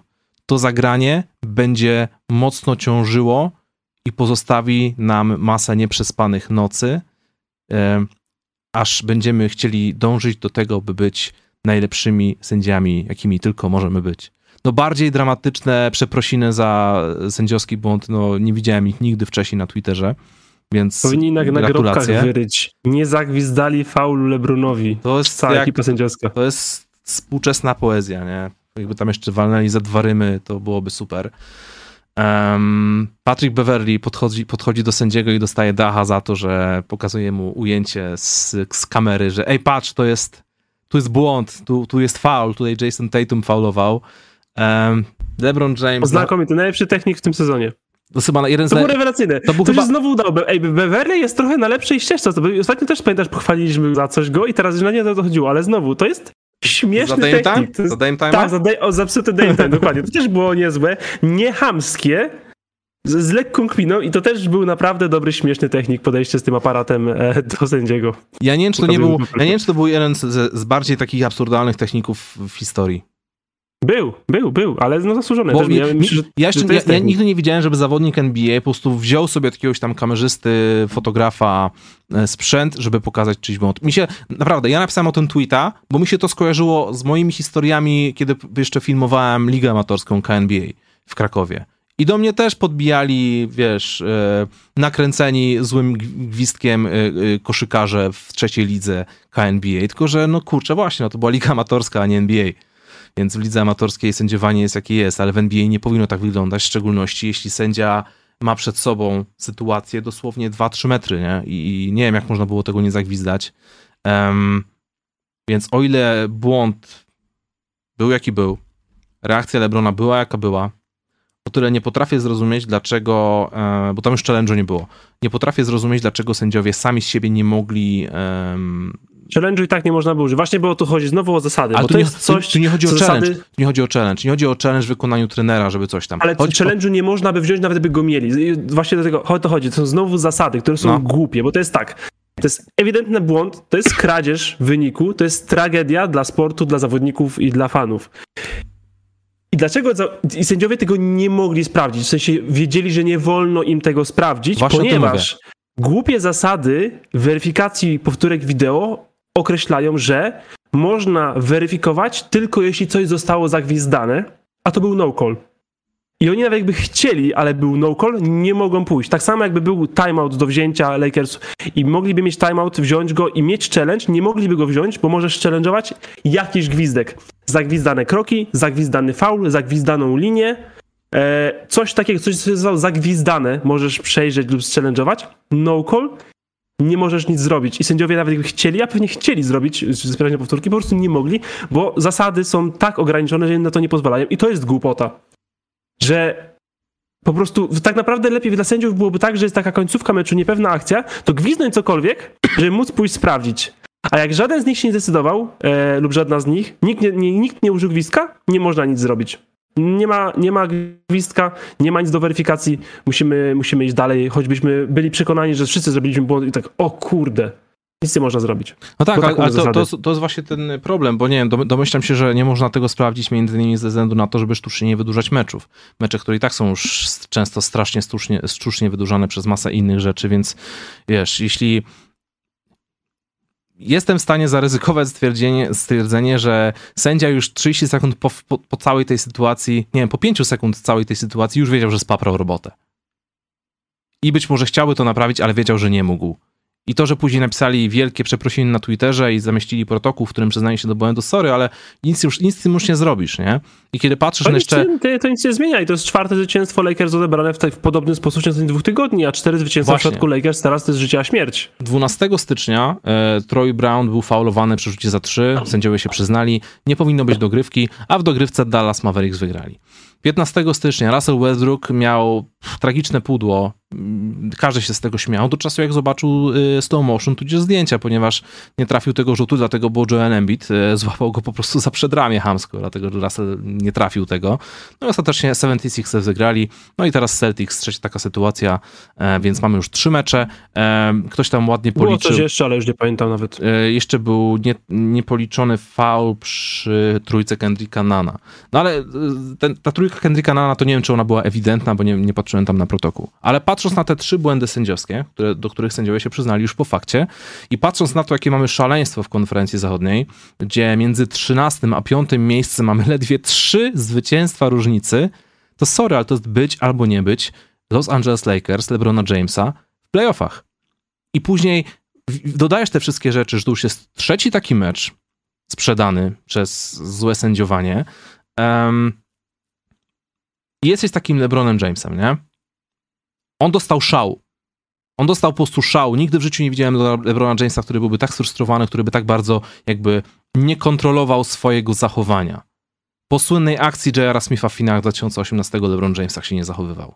A to też było Tak. szalenie... Był wściekły, to było to, on był wściekły, ale potrafił się, potrafił się kontrolować. Tutaj ja się spotkałem z naprawdę wieloma opiniami, że zachował się jak mała dziewczynka, że to było nieprofesjonalne. Koronny, przykład, koronny argument do wszystkiego, czyli Michael Jordan nigdy by tak nie zrobił, nigdy by się tak nie zachował.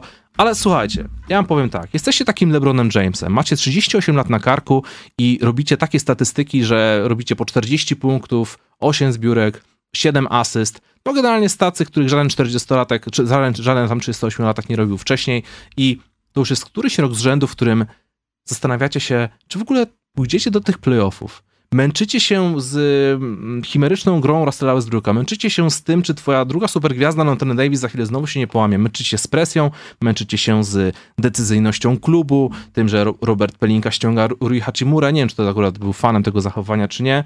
Jesteś takim 38-latkiem i zostaje sprzedany kolejny taki trzeci mecz, mecz, w którym LeBron znowu zagrał wybitnie, ale przegrali i dostajesz ten, ten, ten szał i w końcu ten szał kończy się takim klęknięciem na parkiecie, schowaniem głowy e, w ręce. Ja sobie tak patrzyłem na to i się zastanawiałem wtedy, czy LeBron James sobie nie pomyślał wtedy, ja pierwsze, czy to ma w ogóle sens? Dlaczego ja się staram? Czy ja powinienem jeszcze to robić? Wiesz, ja już swoje przeżyłem, nie muszę nic więcej osiągać. Gram teraz, wiesz, psuję sobie zdrowie, mam w domu rodzinę, dzieci, mogę tyle fajnych rzeczy robić, a ja się męczę i cały czas tylko kłody pod nogi. Kłody pod nogi. 20 lat gry w lidze NBA i ciągle nic, tylko kłody pod nogi.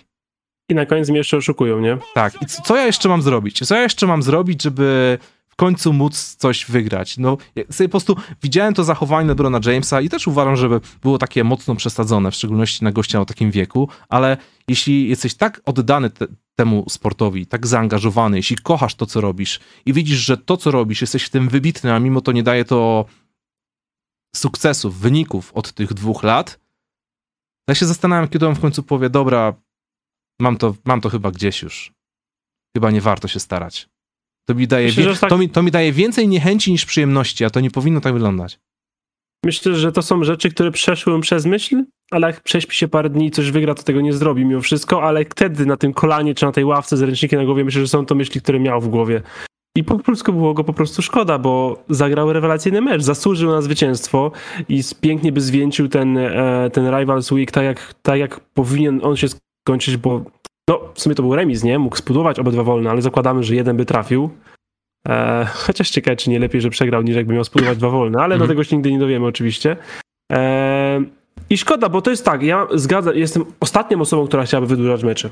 Ja i tak tak naprawdę, na dzisiaj sobie myślałem o tym, kurczę, czy nie warto byłoby przerzucić rzucanie rzutów wolnych na koniec każdej kwarty, żeby tego nie robić w trakcie gry, bo to jest tak dużo czasu zajmuje, ale to nie może tego zrobić, bo oczywiście są ekstra posiadania ze zbiorek ofensywnych. Ale chodzi o to, jak można by jeszcze skrócić mecz. To jest raczej kierunek, który uważam, że powinniśmy obierać. Ale jeśli dopuszczamy powtórki, a dopuszczamy, to czemu te zasady, zasady, są takie niepełne? Że jak jest gwizdek, to mogą sprawdzić i sprawdzają. Sędziowie sprawdzają czasem nawet, wiesz, mniej oczywiste rzeczy. Czasem jest jakiś, wiesz, oczywisty out, oni zagwizdali ten out i mhm. idą go sprawdzać 5 minut. A jeśli nie zagwizdaliśmy, to nie możemy sprawdzić choćby nie wiem co. Choćby jeden sędzia dostał po prostu, który był przy tej akcji, dostał zawału serca w momencie akcji. My przerwaliśmy grę, bo ktoś tam wyleciał na out i nie możemy tego sprawdzić, mimo że ten sędzia właśnie padł martwy prawie. Nie możemy, bo nie było gwizdka po prostu. Mhm. Czemu nie można troszeczkę tego. W sensie, jeśli sprawdzamy ostatnie dwie minuty, to sprawdzamy to, co sędziowie uznają, że trzeba sprawdzić. Albo mamy to centrum powtórek za grube miliony dolarów.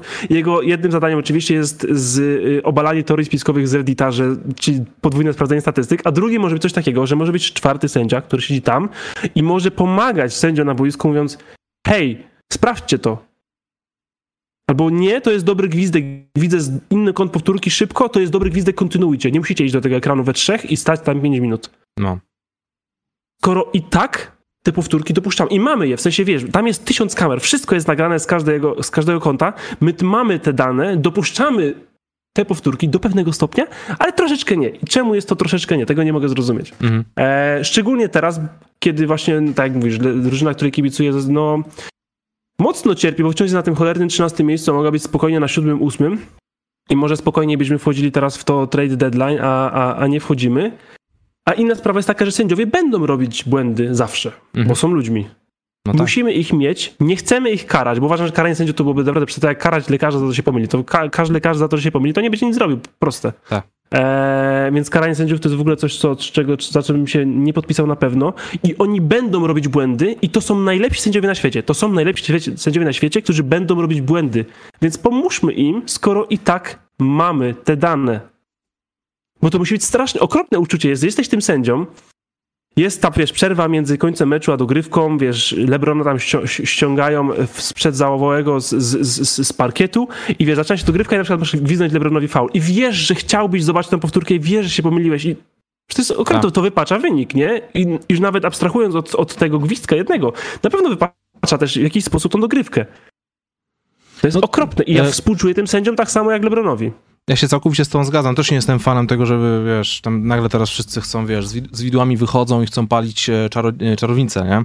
Czyli w tym przypadku e, sędziów. Ale ja rozumiem, że po prostu chodzi o to, że nikt nie chce wydłużać meczów NBA, ale nikt nie mówi o tym, że kurczę, no mm, niech, niech te zasady zostają tak, jak wyglądają teraz, ale kiedy mówimy o sytuacjach w crunch, chociażby o ostatnich dwóch minutach, o najważniejszej, kluczowej akcji meczu, no to wypadałoby dać w takiej sytuacji możliwość sędziemu to sprawdzić. Wiadomo, że wydłużyć, me, wydu, sędzia- wydłużyć, wydłużyć mecz w drugiej kwarcie, gdy jest dziwny gwizdek, no to wiadomo, no nie, no nie pozwalajmy na to, bo nikt tego nie chce. Ale gdy mówimy o ostatniej akcji czwartej, kwarcie, przy- czwartej kwarty przy remisie, ja tego nie kumam, że nie ma tej takiej furtki, żeby takiego robić. Tak, bo wtedy inaczej musieliby napisać prze- przeprosiny na Twitterze, jeśli by się okazało, że wiesz, sędziowie nie chcieli sprawdzić Mhm. powtórki. O, wtedy rozmawiamy inaczej, nie? Ale oni po prostu nie mogli. I, i, ci- ciężko ich obwiniać. I potem, wiesz, poszli na ten Twitter, co można różnie odbierać. Tak naprawdę, wiesz, no poszli, zrobili co mogli, ale ni- niczego to nie zmienia, nie? I nikogo to nie, nie satysfakcjonuje, bo myślę, że nie satysfakcjonuje to ani sędziów, a na pewno nie Lakersów. E, I wszystkiego tego moglibyśmy sobie oszczędzić. Co te, Po prostu. co te przeprosiny teraz tak naprawdę w czasach social media oznaczają? No nic. Każdy pisze przeprosiny, każdy pisze oświadczenia, dwa dni mijają i już można popełniać te same błędy od- w kółko. Bo wciąż są ludźmi. Oni, I o to chodzi. I oni będą te błędy popełniać. Będą. To się będzie działo. że sędziowie będą popełniać te błędy zawsze i zawsze i zawsze. I to samo się wydarzy za tydzień, dwa, trzy, pięć lub miesiąc, ale będzie się to działo po prostu. Więc trzeba jakoś pomóc, jeśli chcemy się tego pozbyć. Chyba, że nie chcemy się tego pozbyć, chcemy po prostu powiedzieć sobie, okej, tak to po prostu będzie wyglądało. Okej. To wydaje mi się, że teraz moglibyśmy przejść do donate'ów, jakbyś wrócił. Pierwszy donate od Ra... E, e, nie od... Od... Od... Od... E, od Rajolo, tak, od Rajolo. To był donate sprzed kilku dni, ale dopiero dzisiaj się wyświetla. Co do igrzyska, właśnie loteria biletów, a nocleg znalazłem za 160 zł za dzień. A, bo w zeszłym tygodniu było pytanie o igrzyska, czy lecimy. Gdzie są współprace, gdzie kubełek? Póki co nie ma, być może wrócą. Tak to wygląda w, w, w biznesie e-commerce. e-commerce. Donate pierwszy dziś jest od młodego. Witam panów. W styczniu 2020 prócz Kobiego Bryanta odszedł też David Stern. Która z tych osób miała większy wpływ na NBA w ostatnich 20-30 latach? Według mnie, mimo wszystko, David Stern. Chciałbym poznać waszą opinię. Pozdrawiam. E, zdecydowanie nie jestem fanem porównywania takich wielkich nazwisk, które miały tak e, różny wpływ na to, co się działo w lidze NBA. Wiadomo, że Kobe Bryant miał wpływ na to, jeśli chodzi o taki jakby o wyobraźnię, o bycie fanem, o, o wygląd ligi, o, o grę, o wpływ na młodszych zawodników, ale David Stern to jest, to jest człowiek, który zmienił tę ligę w zasadzie od samego początku, jeszcze na długo zanim został e, komisarzem. I on, wyda- wydawać by się mogło, że on był praktycznie zawsze, gdy liga NBA przechodziła na kolejny, coraz to wyższy poziom. I to David Stern sprawił, że liga NBA jest tak wielka, jak jest teraz, więc e, i, i, i w tym i w tym przypadku mamy do czynienia z, ze skalą wpływu nie do opisania. Nie da się tego porównać, tak jak powiedziałeś. Nie da się tego porównać. E, Igła. Pozdrowienia. Mega props za to, co robicie. Pewnie już to przerobiliście, ale siedzi we mnie ta ostatnia akcja Lakers Celtics. Wyobraźcie sobie, że LeBronowi brakuje na koniec jednego meczu do fazy playoff. Pozdro. Dys. Może tak być. Dokładnie tak. Dlatego my też się, e, się tym przejmujemy, nie? Wydaje mi się, że każdy powinien się tym przejmować. Nie wiem, czy NBA może sobie pozwolić na kolejne playoffy bez LeBrona Jamesa. Znaczy na pewno może, no ale po co? Pewno nie chcę tego robić. No. E, Ło, tak się podpisał. Pozdrawiamy. Ło. O, za dwa tygodnie temu mówiliście o Claxtonie, że chudy, że nie da sobie rady z Embidem, a widzieliście jaki ładny vlog parę dni później dostał od niego Joel? W ogóle progres Claxtona jest dość spory. Czy nie czas na zmianę zdania o tym zawodniku? E, dzisiaj było o Claxtonie w Cichych Bohaterach, a odnośnie tego, że jest chudy, że nie da sobie rady z Embidem, e, prosimy o transkrypcję tego dokładnie, co powiedzieliśmy o nim. E, ale było w cichych bohaterach nawet nie do końca cichych, bo wspomnieliśmy nawet o potencjalnym suficie przy nagrodzie obrońcy roku. Więc jest docenianko, mimo Jest. braku wielkiej sympatii. Tak właśnie. Bo to wciąż nie jest mój ulubiony zawodnik, zdecydowanie. Peter Parker.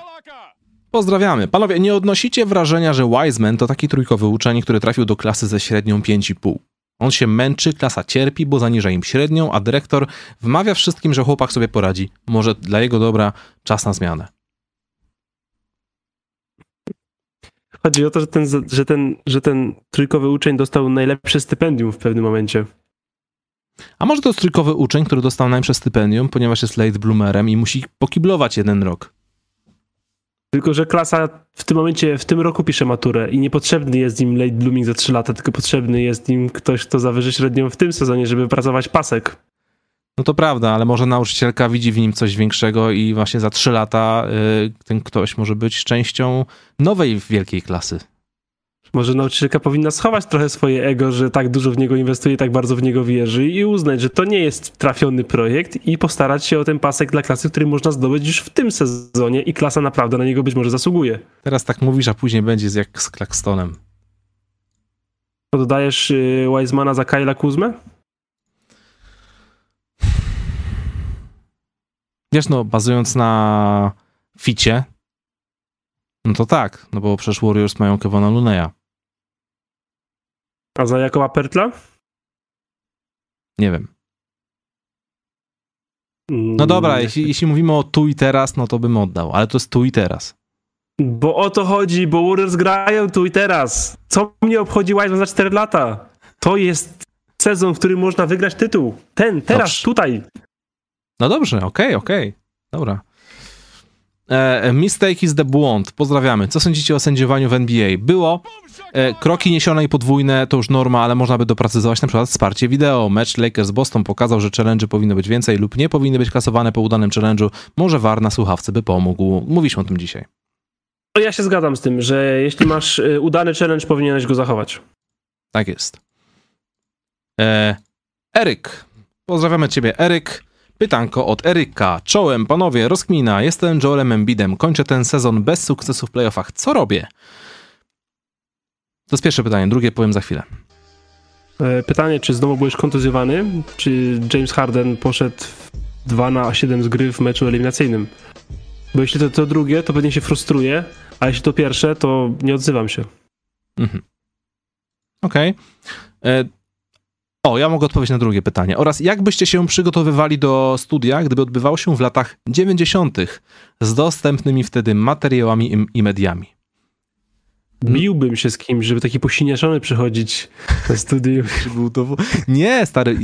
Po pierwsze, codziennie bym od 9 rano odświeżał telegazetę i wyciągał zeszyt w linię i notował sobie wszystko. Po drugie, wziąłbym e, magnetofon i e, nagrywał wszystkie odcinki NBA Action oraz jakieś tam mecze, żeby później to analizować. E, Po trzecie, wysyłałbym, wysyłałbym pocztą polską do klubów NBA tonę wiadomości spamu, żeby wysyłali mi jakieś gadżety, bo w latach 90. to było normą i wielu w Polsce nawet dostawało jakieś tam takie właśnie skarby. E, No i koniec końców pewnie byśmy się spotykali u mnie w pokoju, włączali boomboxa i na kasetach magnetofonowych nagra- nagrywali nasze mm, odcinki podcastu e, 30 minut na jedną stronę, 30 minut na drugą stronę, a później rozprowadzali to przez najbliższy miesiąc i ludzie by po miesiącu mogli w końcu posłuchać naszego podcastu. Na przykład e, opisującego mecz gwiazd w kwietniu by to słyszeli, nie? Ja bym się bił i za każdym prze- przechodził posiniaczony, żeby móc kultywować tą wspaniałą, brutalną grę i fizyczną na boiskach. To by było ciekawe, jakbyśmy mieli Ale ograniczenie nikt by nie W sensie, widział, wiesz, masz, nikt, nikt by nie widział, bo wtedy jeszcze byśmy kamery nie mieli. To są lata 90., a nie w, a nie... mielibyśmy taką kamerę wielkości, wiesz, jak pół pokoju. No jak, do- za droga, donate'ów. tylko w telewizji Wysyłaliby nam donaty pocztą, otwieralibyśmy, wiesz, koperty z donatami i byśmy z tego kupili kamerę taką wielkości połowy pokoju. Nie wiem, ile by musieli nam wysłać tych pieniędzy i nie wiem, czy to byłoby na stare, czy nowe złote. Niu, niu? Do zrobienia? No nie wiem. Dobra, kolejne Nie pytanko. no, po, de, po denominacji, po denominacji, no spokojnie. Przed, no to, to musieliby wysłać kartony. Stary, jakbym po, denominacji, po, de, po denominacji dostał 10 zł, to bym sobie życie na nowo ułożył. Wtedy 10 zł to wiesz. To jak, No teraz re, to jak, to lejsów. jak renta. A teraz paczka rejsów. Tak. Um, donate od Jordan is the Goat. Pozdrawiamy. Siema, dzisiaj taki challenge. Ułóżcie z rezerwowych w obecnym sezonie, przyjmijmy granicę max 15 meczów rozegranych w wyjściowym składzie, piątkę, która bez problemu wywalczyłaby awans do playoffów niezależnie od konferencji. Pozdro dla was i wszystkich widzów. Dzięki Jordan is the Goat. Świetna zabawa, ale już tak na ślepo, wydaje mi się, nie jestem tego taki pewny, czy z samych rezerwowych można byłoby stworzyć playoffową drużynę. Ostatecznie mówimy o zawodnikach rezerwowych. Tak, i, i chyba nie chciałbym y, wystawiać Russella Westbrooka. A czy wiesz co? Y, już sobie szybko sprawdzam. Dobra, Be- ale na przykład... Benedict, y, Benedict Maturin, Bobby Portis, Tyrese Maxi, em, Grace, e, nie, e, Alperen Shengun albo Christian Wood. Wood, Wood Portis, ja wiem, że to jest frontcourt, Brogdon gra w tej zespole, Tyrese Maxi tak, a Maturę, Pool, a może Bogdan Bogdanowicz, Malik Monk? To już mamy nazwiska. Ale to Ta dalej, drużyna nie wchodzi do playoffów. dalej właśnie jest, no właśnie, no do playoffów nie wejdzie, no to za mało. Ta, ta drużyna nie wchodzi do playoffów, niestety. Nie ma, do, nie ma obrony w tej drużynie. Znaczy, wiesz, no mogę, możemy ułożyć defensywną, fajną, fajniejszą piątkę, wstawić Wiktora Oladipo, Normana Powella, ale ta drużyna nie wchodzi do, play- do playoffów wciąż, niestety. Tak jest. Czy ta drużyna pokonałaby Timberwolves? No. Może jakby były trójki i dużo biegania. Ale nie, nie wiem, nie wiem, nie wiem, nie wiem, nie wiem, nie wiem, nie wiem. To jest drużyna rezerwowych. Jakbyśmy wybierali przynajmniej z, nie wiem, z czwartych, trzy, jakbyśmy wybierali przynajmniej starterów, a na przykład z dwójki tych teoretycznie najgorszych starterów, no to może wtedy byłoby łatwiej.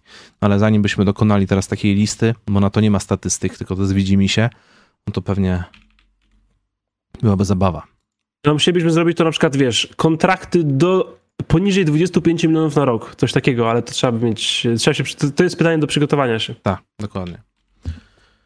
E, Donate od Barneya. Pozdrawiamy. Cześć chłopaki. 27 lutego 94 roku minie 29. rocznica ostatniego quadruple double w NBA, który wykonał David Robinson.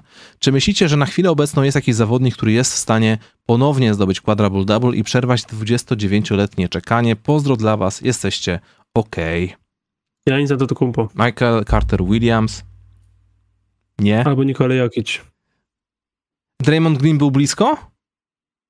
Eee, Jakby zdobył punkty jeszcze, bo miał triple-double bez tak. punktów. Tak, Dokładnie. dokładnie. Miał, No no. Draymond Green mógł to zrobić, ale to, nie, to, już, to już nie. Ja myślę, że to jest Jokic ze, e, ze, ze stylami albo Janis z blokami.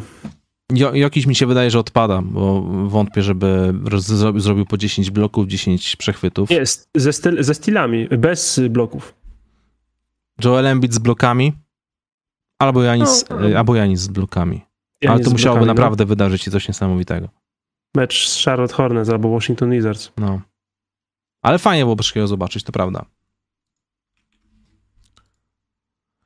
Ojej, Yeti z Białki ma dla nas żart, Bartek. Uwaga. Siemano, a wiecie jakie są ulubione portki trenera Miami? Z poliestra. Nice. To jest świeże, to jest świeże. Yeti z Białki, pozdrawiamy, dobra. bardzo zabawne, śmieszne, fajne. 1 na 10. Tak. Kuba Ces Oby tak dalej. Kuba Ceski, pozdrawiamy. Dzięki chłopaki za wszystkie poniedziałki, te co były i te co będą. PSN BA w tle, jakaś gierka na komputerze, piwerko do kolacji, człowiek czeka na poniedziałki wieczór, prawie jak za dzieciaka, czekało się na mega hit Polsatu, pozdrawiam, szanuję was, to już jest drugie nawiązanie do lat 90. Mega hit Polsatu. Swego czasu byłem fanem, nawet jeśli cały czas leciały te same filmy. No dobrze, dobrze. Dzięki wielkie Kuba, bardzo miły donate, pozdrawiam cię serdecznie. Bycie miłym nic nie kosztuje. Rad Pilej, Chyba, że kosztuje tyle co łasko. Tak. Rat Piley. Uwaga. Pozdrawiamy Rata Piley. Cześć panowie, mając 13 lat natrafiłem na twój post na grupie Kubiksa. Lubiłem czasem wpaść, pooglądać My Team. Dzisiaj mam 21, regularnie wpadam, mogę dać donate'a, bo mam fajną pracę. You feel old, don't you? Pozdro panowie. Pozdro panowie, super, że ten kanał tak ewoluował. Eee, Rad Piley, dziękuję bardzo za donate oraz bardzo miłe słowa i tak, to jest, to jest, to jest szaku- szokujące, że em, zaczynałeś oglądając, ogląd- za, zaczynałeś mając 13 lat, teraz masz 21 lat, jesteś dorosłym gościem i wow, to, to, to, to jest naprawdę coś niesamowitego, że że wiesz, że chcesz tu być, nie? Że tyle lat minęło, że jestem taki stary. Musisz, mi- musisz mi to robić? Mister Brauza, pozdrawiamy. Denary dla wypełnienia salary. Czy Trey Young podzieli los Denisa Schrudera? Denis Schruder nigdy nie był tak dobry jak Trey Young. Trey Young podpisał super maksymalne przedłużenie kontraktu. Dokładnie tak. A Denis nie podpisał. Tak. Więc. y, A inaczej. em, wierzysz w Trey Younga? Tak, Kibicujesz mu? tak. Okej. Dobrze. Tak, ja będę bronił Trey Younga raczej. Mhm. Tak? Nawet jeśli trafia trójki na moim poziomie z ligi amatorskiej? Ja myślę, że jest koszykarsko niedoceniany, bo się za dużo o tych trójkach mówi, a za mało o innych rzeczach. Ale O chemii w nie ma, zespole? dobrej, nie ma dobrej pasy i jest dużą częścią winy tego. Okej. To prawda, ale ogólnie uważam, że teraz jest trochę zbyt ostro oceniany, e, bo to jest bardzo dobry zawodnik, ale coś jest ewidentnie nie tak. Ja jestem ciekawy właśnie, czy to jest na przykład e, psychika, czy coś tam jest nie tak ze zdrowiem, czy, czy coś się tam dzieje, bo coś, coś jest nie tak. Coś jest nie tak. To nie, nie, to nie jest tak, że ja mówię, że, że, że Trae Young jest super najlepszy w pytkę i reszta mu tam bruździ. Tam jest coś grubo nie tak, ale nie wiem co. Mhm. I nie, I nie zrzucałbym wszystkiego tylko i wyłącznie na Trae Younga, chyba, że się czegoś dowiemy więcej. A czy wiesz, tak jak mówisz, coś może być nie tak i oczywiście na myśl rzucają się już kolejne złośliwe żarty, już może nie będę ich teraz mówić, e, ale fakt jest taki, że często ci zawodowi sportowcy przeżywają rzeczy, o których my nie mamy pojęcia i czasem są to naprawdę straszne, gówniane i, i, mro- i mroczne sprawy, a my tylko ich oceniamy przez pryzmat, wiesz, tego co widzimy w Trafionych- telewizji, Procentu trafionych, trafionych trójek. dokładnie i, i to jest, to, i to jest nie, nie do końca sprawiedliwe. Bo to też nie jest tak, że on ale wiesz- kompletnie przestał grać, nie? ale to wiesz- też wciąż jest, wciąż, wciąż jest top 3, top 5 podających w lidze. I na przykład to jest coś, co ja widzę wciąż u niego, nie? Ale mimo wszystko wolałbym myśleć y, o nim w taki sposób, że jego zła gra jest uzależniona nie od tego, że ma w, prywa- w prywatnym życiu jakieś naprawdę przechlapane rzeczy, o których, o których my nie wiemy, tylko że po prostu na przykład, nie wiem, em, jest gburem. Życzę mu, że jest Może a nie, a nie, że jest, nie, że ma źle. Po prostu. Ja mu życzę, żeby to był zwichnięty bark, potem, żeby był gburem, a nie, że ma depresję. W tej Właśnie. kolejności O, bym to właśnie. ustawił. Dobrze. Kolejny donate jest od Kałaj Not. Pozdrawiamy. Siemka, jedna klątwa Woodena pod tytułem Jeremi prędzej zrobi triple-double niż 30 punktów i cyk, prosimy więcej. Ja, teraz to już będzie Jeremi nie zrobi 40 punktów, prędzej triple-double. Także Także, Juliusz, e, twoja kolej. Em, Filip. E, Pozdrawiam cię, Filip. Gra, grałem z synem w 2K23 i nagle słyszę podaj do Łukasza. No podaj do tego, co wygląda jak Keep the Beat, bo jest dobry za 3. Chodziło mu o Forniera. Młody właśnie skończył 9 lat, trenuje kosza, wszystko NBA i o Potterze, ale chyba muszę mu ograniczyć PS NBA. E, Nie, ogranicz mu PlayStation, a nie nas. bardzo dziękuję za porównanie mnie do Ewana Forniera. Nie wiem, czy bym mógł się zaliczyć do, do osób, które jest do niego podobna, ale okej, niech tak będzie. Że tylko głowę widział Może. z daleka. Ale ej, powiedz mi, często jest tak, że em, jeśli ktoś zobaczy gościa, który jest łysy i ma brudkę, to to wystarczy. I już jestem oznaczony. Keep the Beat, co ty tu robisz? Też masz tak? E, tak, no też tych wszystkich... E, jak się nazywa ten San Antonio? Johnny Cuse? Tommy, Tommy, to, Tommy QZ. Tommy Cuse, no. Wszystkich łysych, brodaczych też. To jest super, to jest naprawdę super. Skoro się pojawił Potter, dzisiaj było w bingo od Piotrka, em, czy będziesz e, testował Hogwarts Legacy? E, bardzo bym chciał, ale się chyba nie rzucę na to od startu, bo nie miał czasu na to, ale prędzej czy później myślę, że to się wydarzy. To będziemy grać razem, założymy gildię? Z- Przestaniemy nagrywać. Pewnie tak. Założymy nowy kanał YouTube'owy, gdzie będziemy tylko i wyłącznie e, robić Harry Potter RPG. Roleplay, Nie, zmienimy role- nazwę tego, co mamy. roleplay server. Zmienimy nazwę tego, co mamy. Nie zakłada się nowych Łukasz. No okej, dobrze. Em, kolejny donate jest od Niunia, który po prostu nam wysłał e, doładowanie na telefon. Bez pytań. Pozdrowienia egipskie dla profesjonalistów. Dziękujemy bardzo, Niuniu. Pozdrawiam cię również serdecznie. Będzie na impulsy nowe. Tak. E, Kacpodzik napisał, że ostatnio żona się obraziła, że pozdrawiam tylko szwagra Jakuba, więc dziś pozdrowienia dla żony Marty. Czyli generalnie wychodzi na to, że jeszcze trochę i będziemy pozdrawiać cały Wocławek, jeśli dobrze kojarzę. Także pozdrowienia Wocławek, szwagra, żony Marty, Kacpodzik i Jakuba, wszystkich. Ja głównie żonę Martę, żeby nie było, żeby, żeby była tutaj najbardziej wyróżniona. Tak. Pat Bev, pozdrawiamy Pata Beva. Boli was wielka Minnesota? Dlaczego tytuły zdobyte przez Minneapolis Lakers są w Los Angeles? Przecież należą do Minnesoty. Nawet nazwa Lakers pochodzi z jeziora w Twin Cities. Dlaczego nic nie mówicie o Ansie i dlaczego go nie ma w All-Star, a jest Zion czy LeBron James?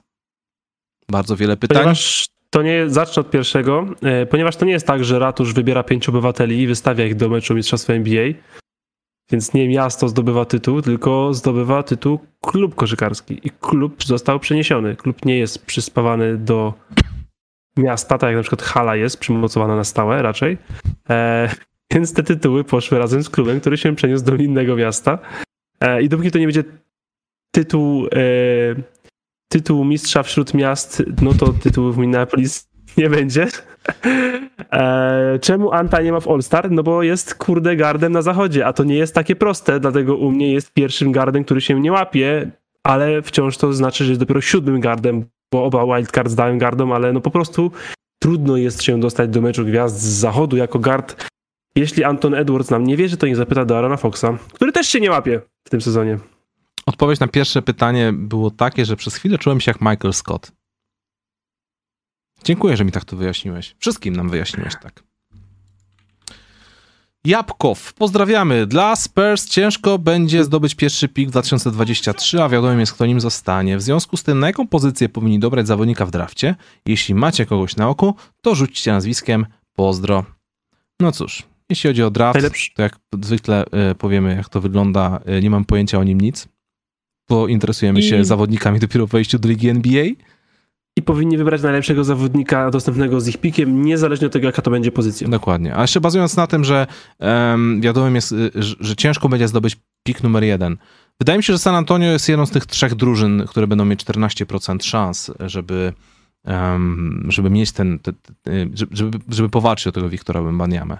Albo Scoota Hendersona.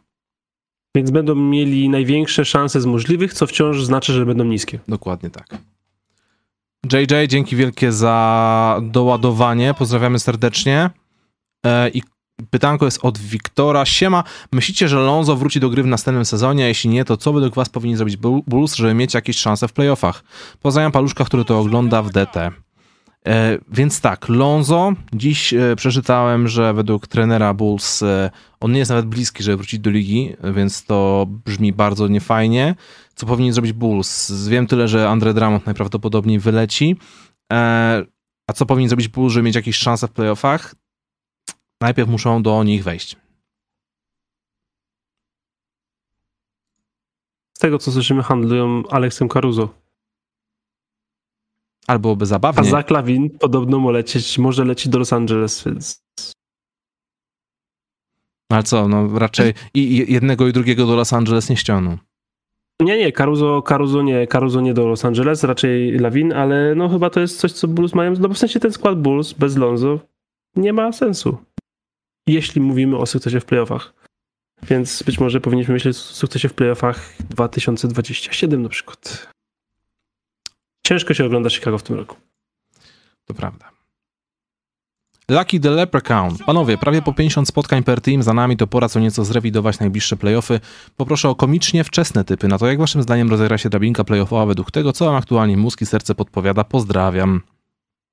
Oj, nie wiem, czy teraz damy radę to zrobić na komicznie, ale z faktu, że już za z faktu, że za nami 50 spotkań, e, to jesteśmy bliżej naszego podsumowania na dwie trzecie sezonu, więc może wtedy byśmy coś pokombinowali. Pewnie znowu zrobimy odcinek, jak w grudniu zrobiliśmy, że te 30 opinii o 30 drużynach na dwie trzecie sezonu. I jakiś mały, śmiały typ? Mały śmiały typ?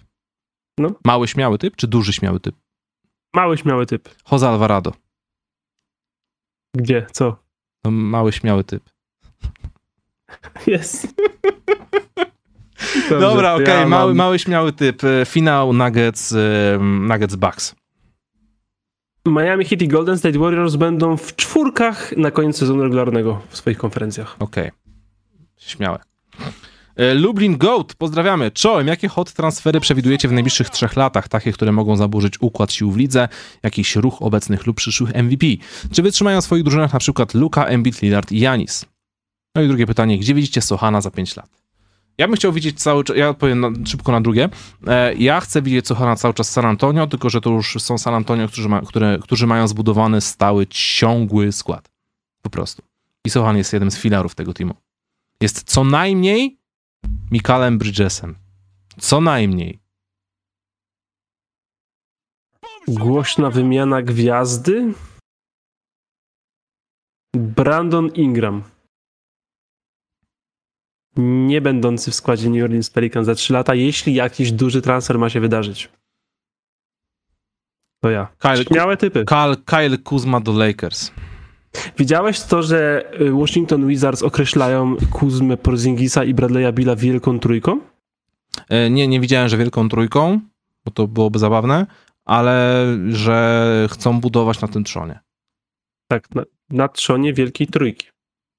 Takich nazwali? Wielka trójka. Okej. To jest taka wielka trójka jak w Knicksach z Drickiem Rose'em.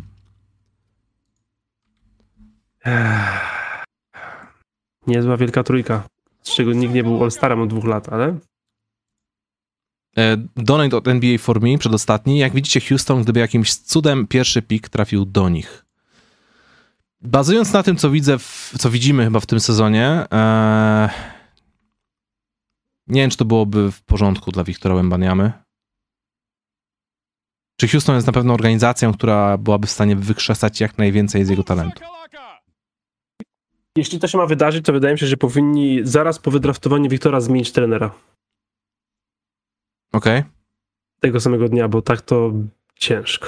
Ja nie wiem, nie, nie, nie, nie, nie życzyłbym Houston, nie życzyłbym sobie, nam wszystkim, żeby do Houston trafił Wembanyama. Naprawdę wolałbym każdą inną drużynę z tych pięciu najgorszych. To jest Orlando, Charlotte, Detroit i San Antonio. Może bez Orlando. Czy Charlotte, Detroit albo San Antonio. Te trzy zdecydowanie bardziej bym wolał niż, niż, niż Houston Rockets. Detroit albo San Antonio. Kurde, z Lamelo Bolem byś nie chciał go zobaczyć? Chcesz zobaczyć Wiktora Wembaniamę, jeden z największych talentów ostatnich, nie wiem, już 20 lat, jak się o tym mówi, e, w drużynie, która delikatnie mówiąc e, zawodzi od początku istnienia. Że Detroit też zawodzi od 15 lat. Czyli San Antonio. Zawodzi tylko od 7 lat. Czyli San Antonio. Dobrze. e, D, Może od 5. DDS, pozdrowienia. Co z tym Sochanem jego meczem w Rookies? E, wydaje mi się, że to jest do zrobienia i tak jak mówiliśmy w ostatnim odcinku mm, na Ewinerze, e, takimi mini argumentami za tym jest też to, że to jest weekend gwiazd, a Jeremy Sochan jest bardzo charakterystyczny, więc być może NBA będzie chciał go powołać nie tylko ze względów stricte sportowych, ale też ze względów chociażby wizerunkowych, czy w ogóle jakiejś takiej charakterystyki. I generalnie raczej chyba rozpoznawalny zawodnik jak na pierwszoroczniaka. W sensie myślę, że kity go kojarzą, więc mimo wszystko to jest jakaś właśnie atrakcja tego meczu, oprócz tego, że, co jak sam powiedziałeś, wartość sportowa. E, I jeszcze dalsza część donate'u. PS, przykro patrzeć na Lebrona Jamesa na kolanach. Panowie, miłego wieczoru. Pozdrówcie Przema. Pozdrawiamy Przema. I LeBrona Jamesa. E, I ostatni donate na dziś, jeśli dobrze widzę, od Kawhi Not. Tak jeszcze w temacie faulu na Lebronie. Można było akcję wcześniej nie faulować Jalena Browna przy layupie, mieć plus jeden punkt i czekać, aż Celtics zaczną faulować, żeby zatrzymać czas. Ale czy wtedy by to gwiznęli? Tam był faul, bo to była próba bloku od tyłu Patryka Beverleya, czy... Beverly faulował Beverleya. Browna przy debiucie, tak. Okej. No chciał Patryk dał, Patryk zabrał. trochę tak. No cóż. Dobrze, to był ostatni donate na dziś. E, tematy obcykaliśmy. Czy em, jeszcze jakieś dwa słowa w kąciku y, popkulturowym? Tak, czy oglądacie już The Last of Us, czy nie? Jeśli pytasz mnie, to odpowiem, że tak. I, i widziałeś dzisiejszy odcinek już? Nie, dzisiejszy jeszcze nie, dzisiejszy jeszcze nie. Widziałem tylko, ból, Okej. widziałem tylko ból dupy Polaków na Twitterze na ten temat. Najgorszy, najgorsza jest ta zgodność z oryginałem. Bo odbywa się zgodność z oryginałem. A wiesz co, y, E. ja ci, po- y, wiesz, że ja nie grałem nigdy w tę grę. Nie znam fabuły. Ja też, no. Nie chcę znać tej fabuły. Bo chcę obejrzeć serial bez spoilerów. Ja znam od Natalii i z tego, co mówi ona i też to, co widziałem też właśnie w internecie, to jest absolutna zgodność z tym, jak wyglądała gra i o zgodność tutaj teraz płaczemy, ponieważ zgodność się na nie podoba. Aha, okej. A widziałeś trzeci odcinek? Odcinek- Ogólnie to widziałeś trzeci odcinek. Widzieliśmy cię. Pomijając tą z- zaraz zgodność, ten zgodność i ten ból i w ogóle em, jako całokształt cały czas jest na takim wysokim poziomie? Że to się ogląda z takim... naj- Po pierwsze dwa odcinki widziałem, to na pierwszym to wiesz, rzadko mi się zdarza, żebym siedział na sofie, a nie leżał. bo po prostu były takie momenty, że aż mnie nosiło.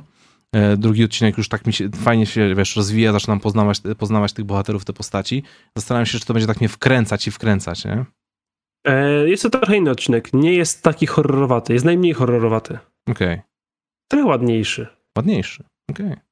Niż poprzednie. Kurczę, ten The Last of Us mam zainstalowanego na Play od dwóch lat.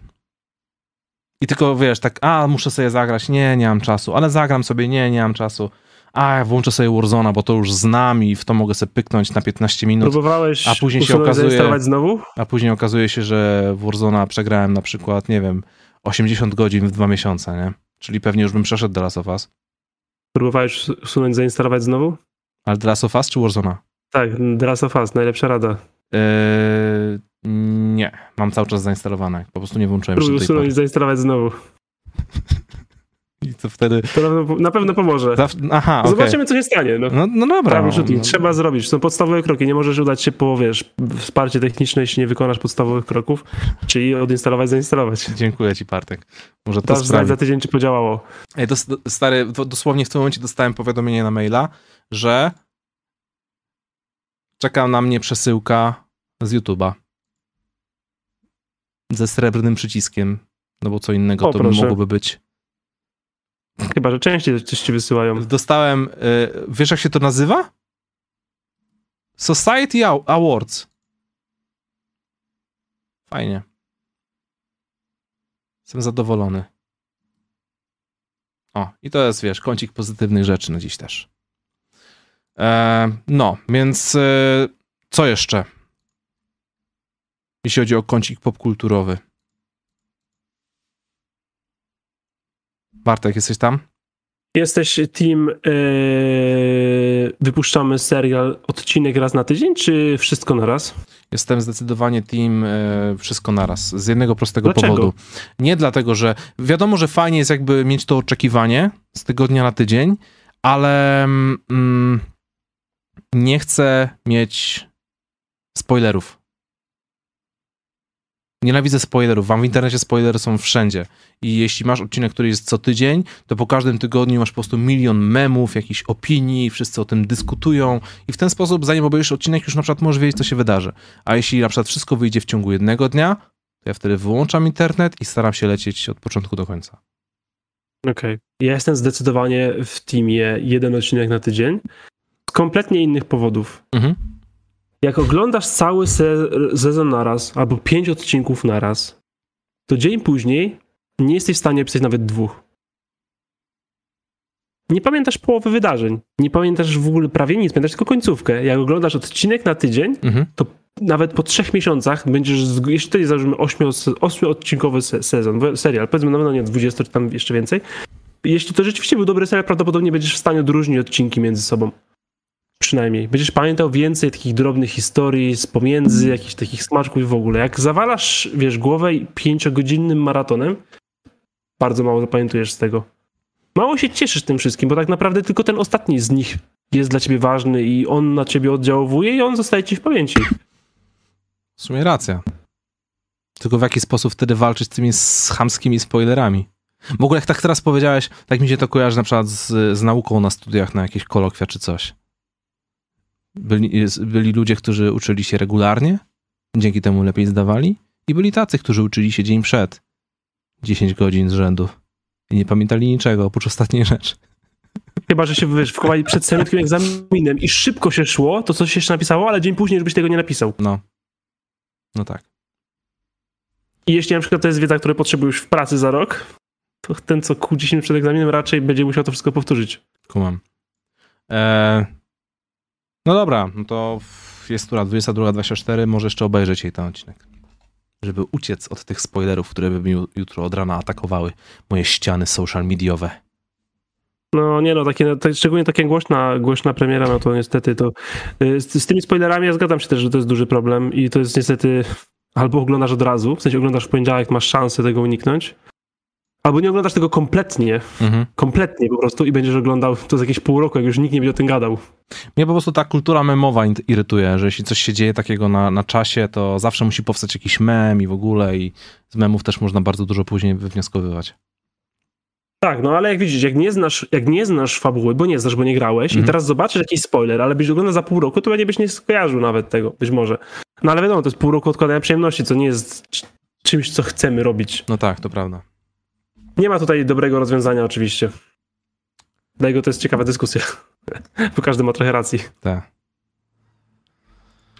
E, wiesz, że będzie serial. E, nie wiem, czy to będzie film dokumentalny, czy dwuodcinkowy serial o Billu Russellu. Nastawiasz O, się na to na na Netflixie. Nastawiasz się na to w jakiś sposób?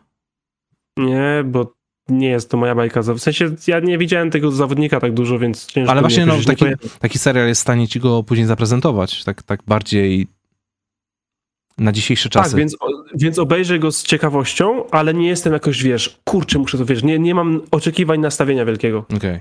Ja właśnie się tak nastawiam. Fajnie, że coraz więcej tych seriali, e, filmów koszykarskich jest na tego typu portalach. Mam nadzieję, że będzie ich jeszcze więcej, bo kurczę, no jest mnóstwo świetnych tego typu materiałów. Tylko trzeba dokupować licencję.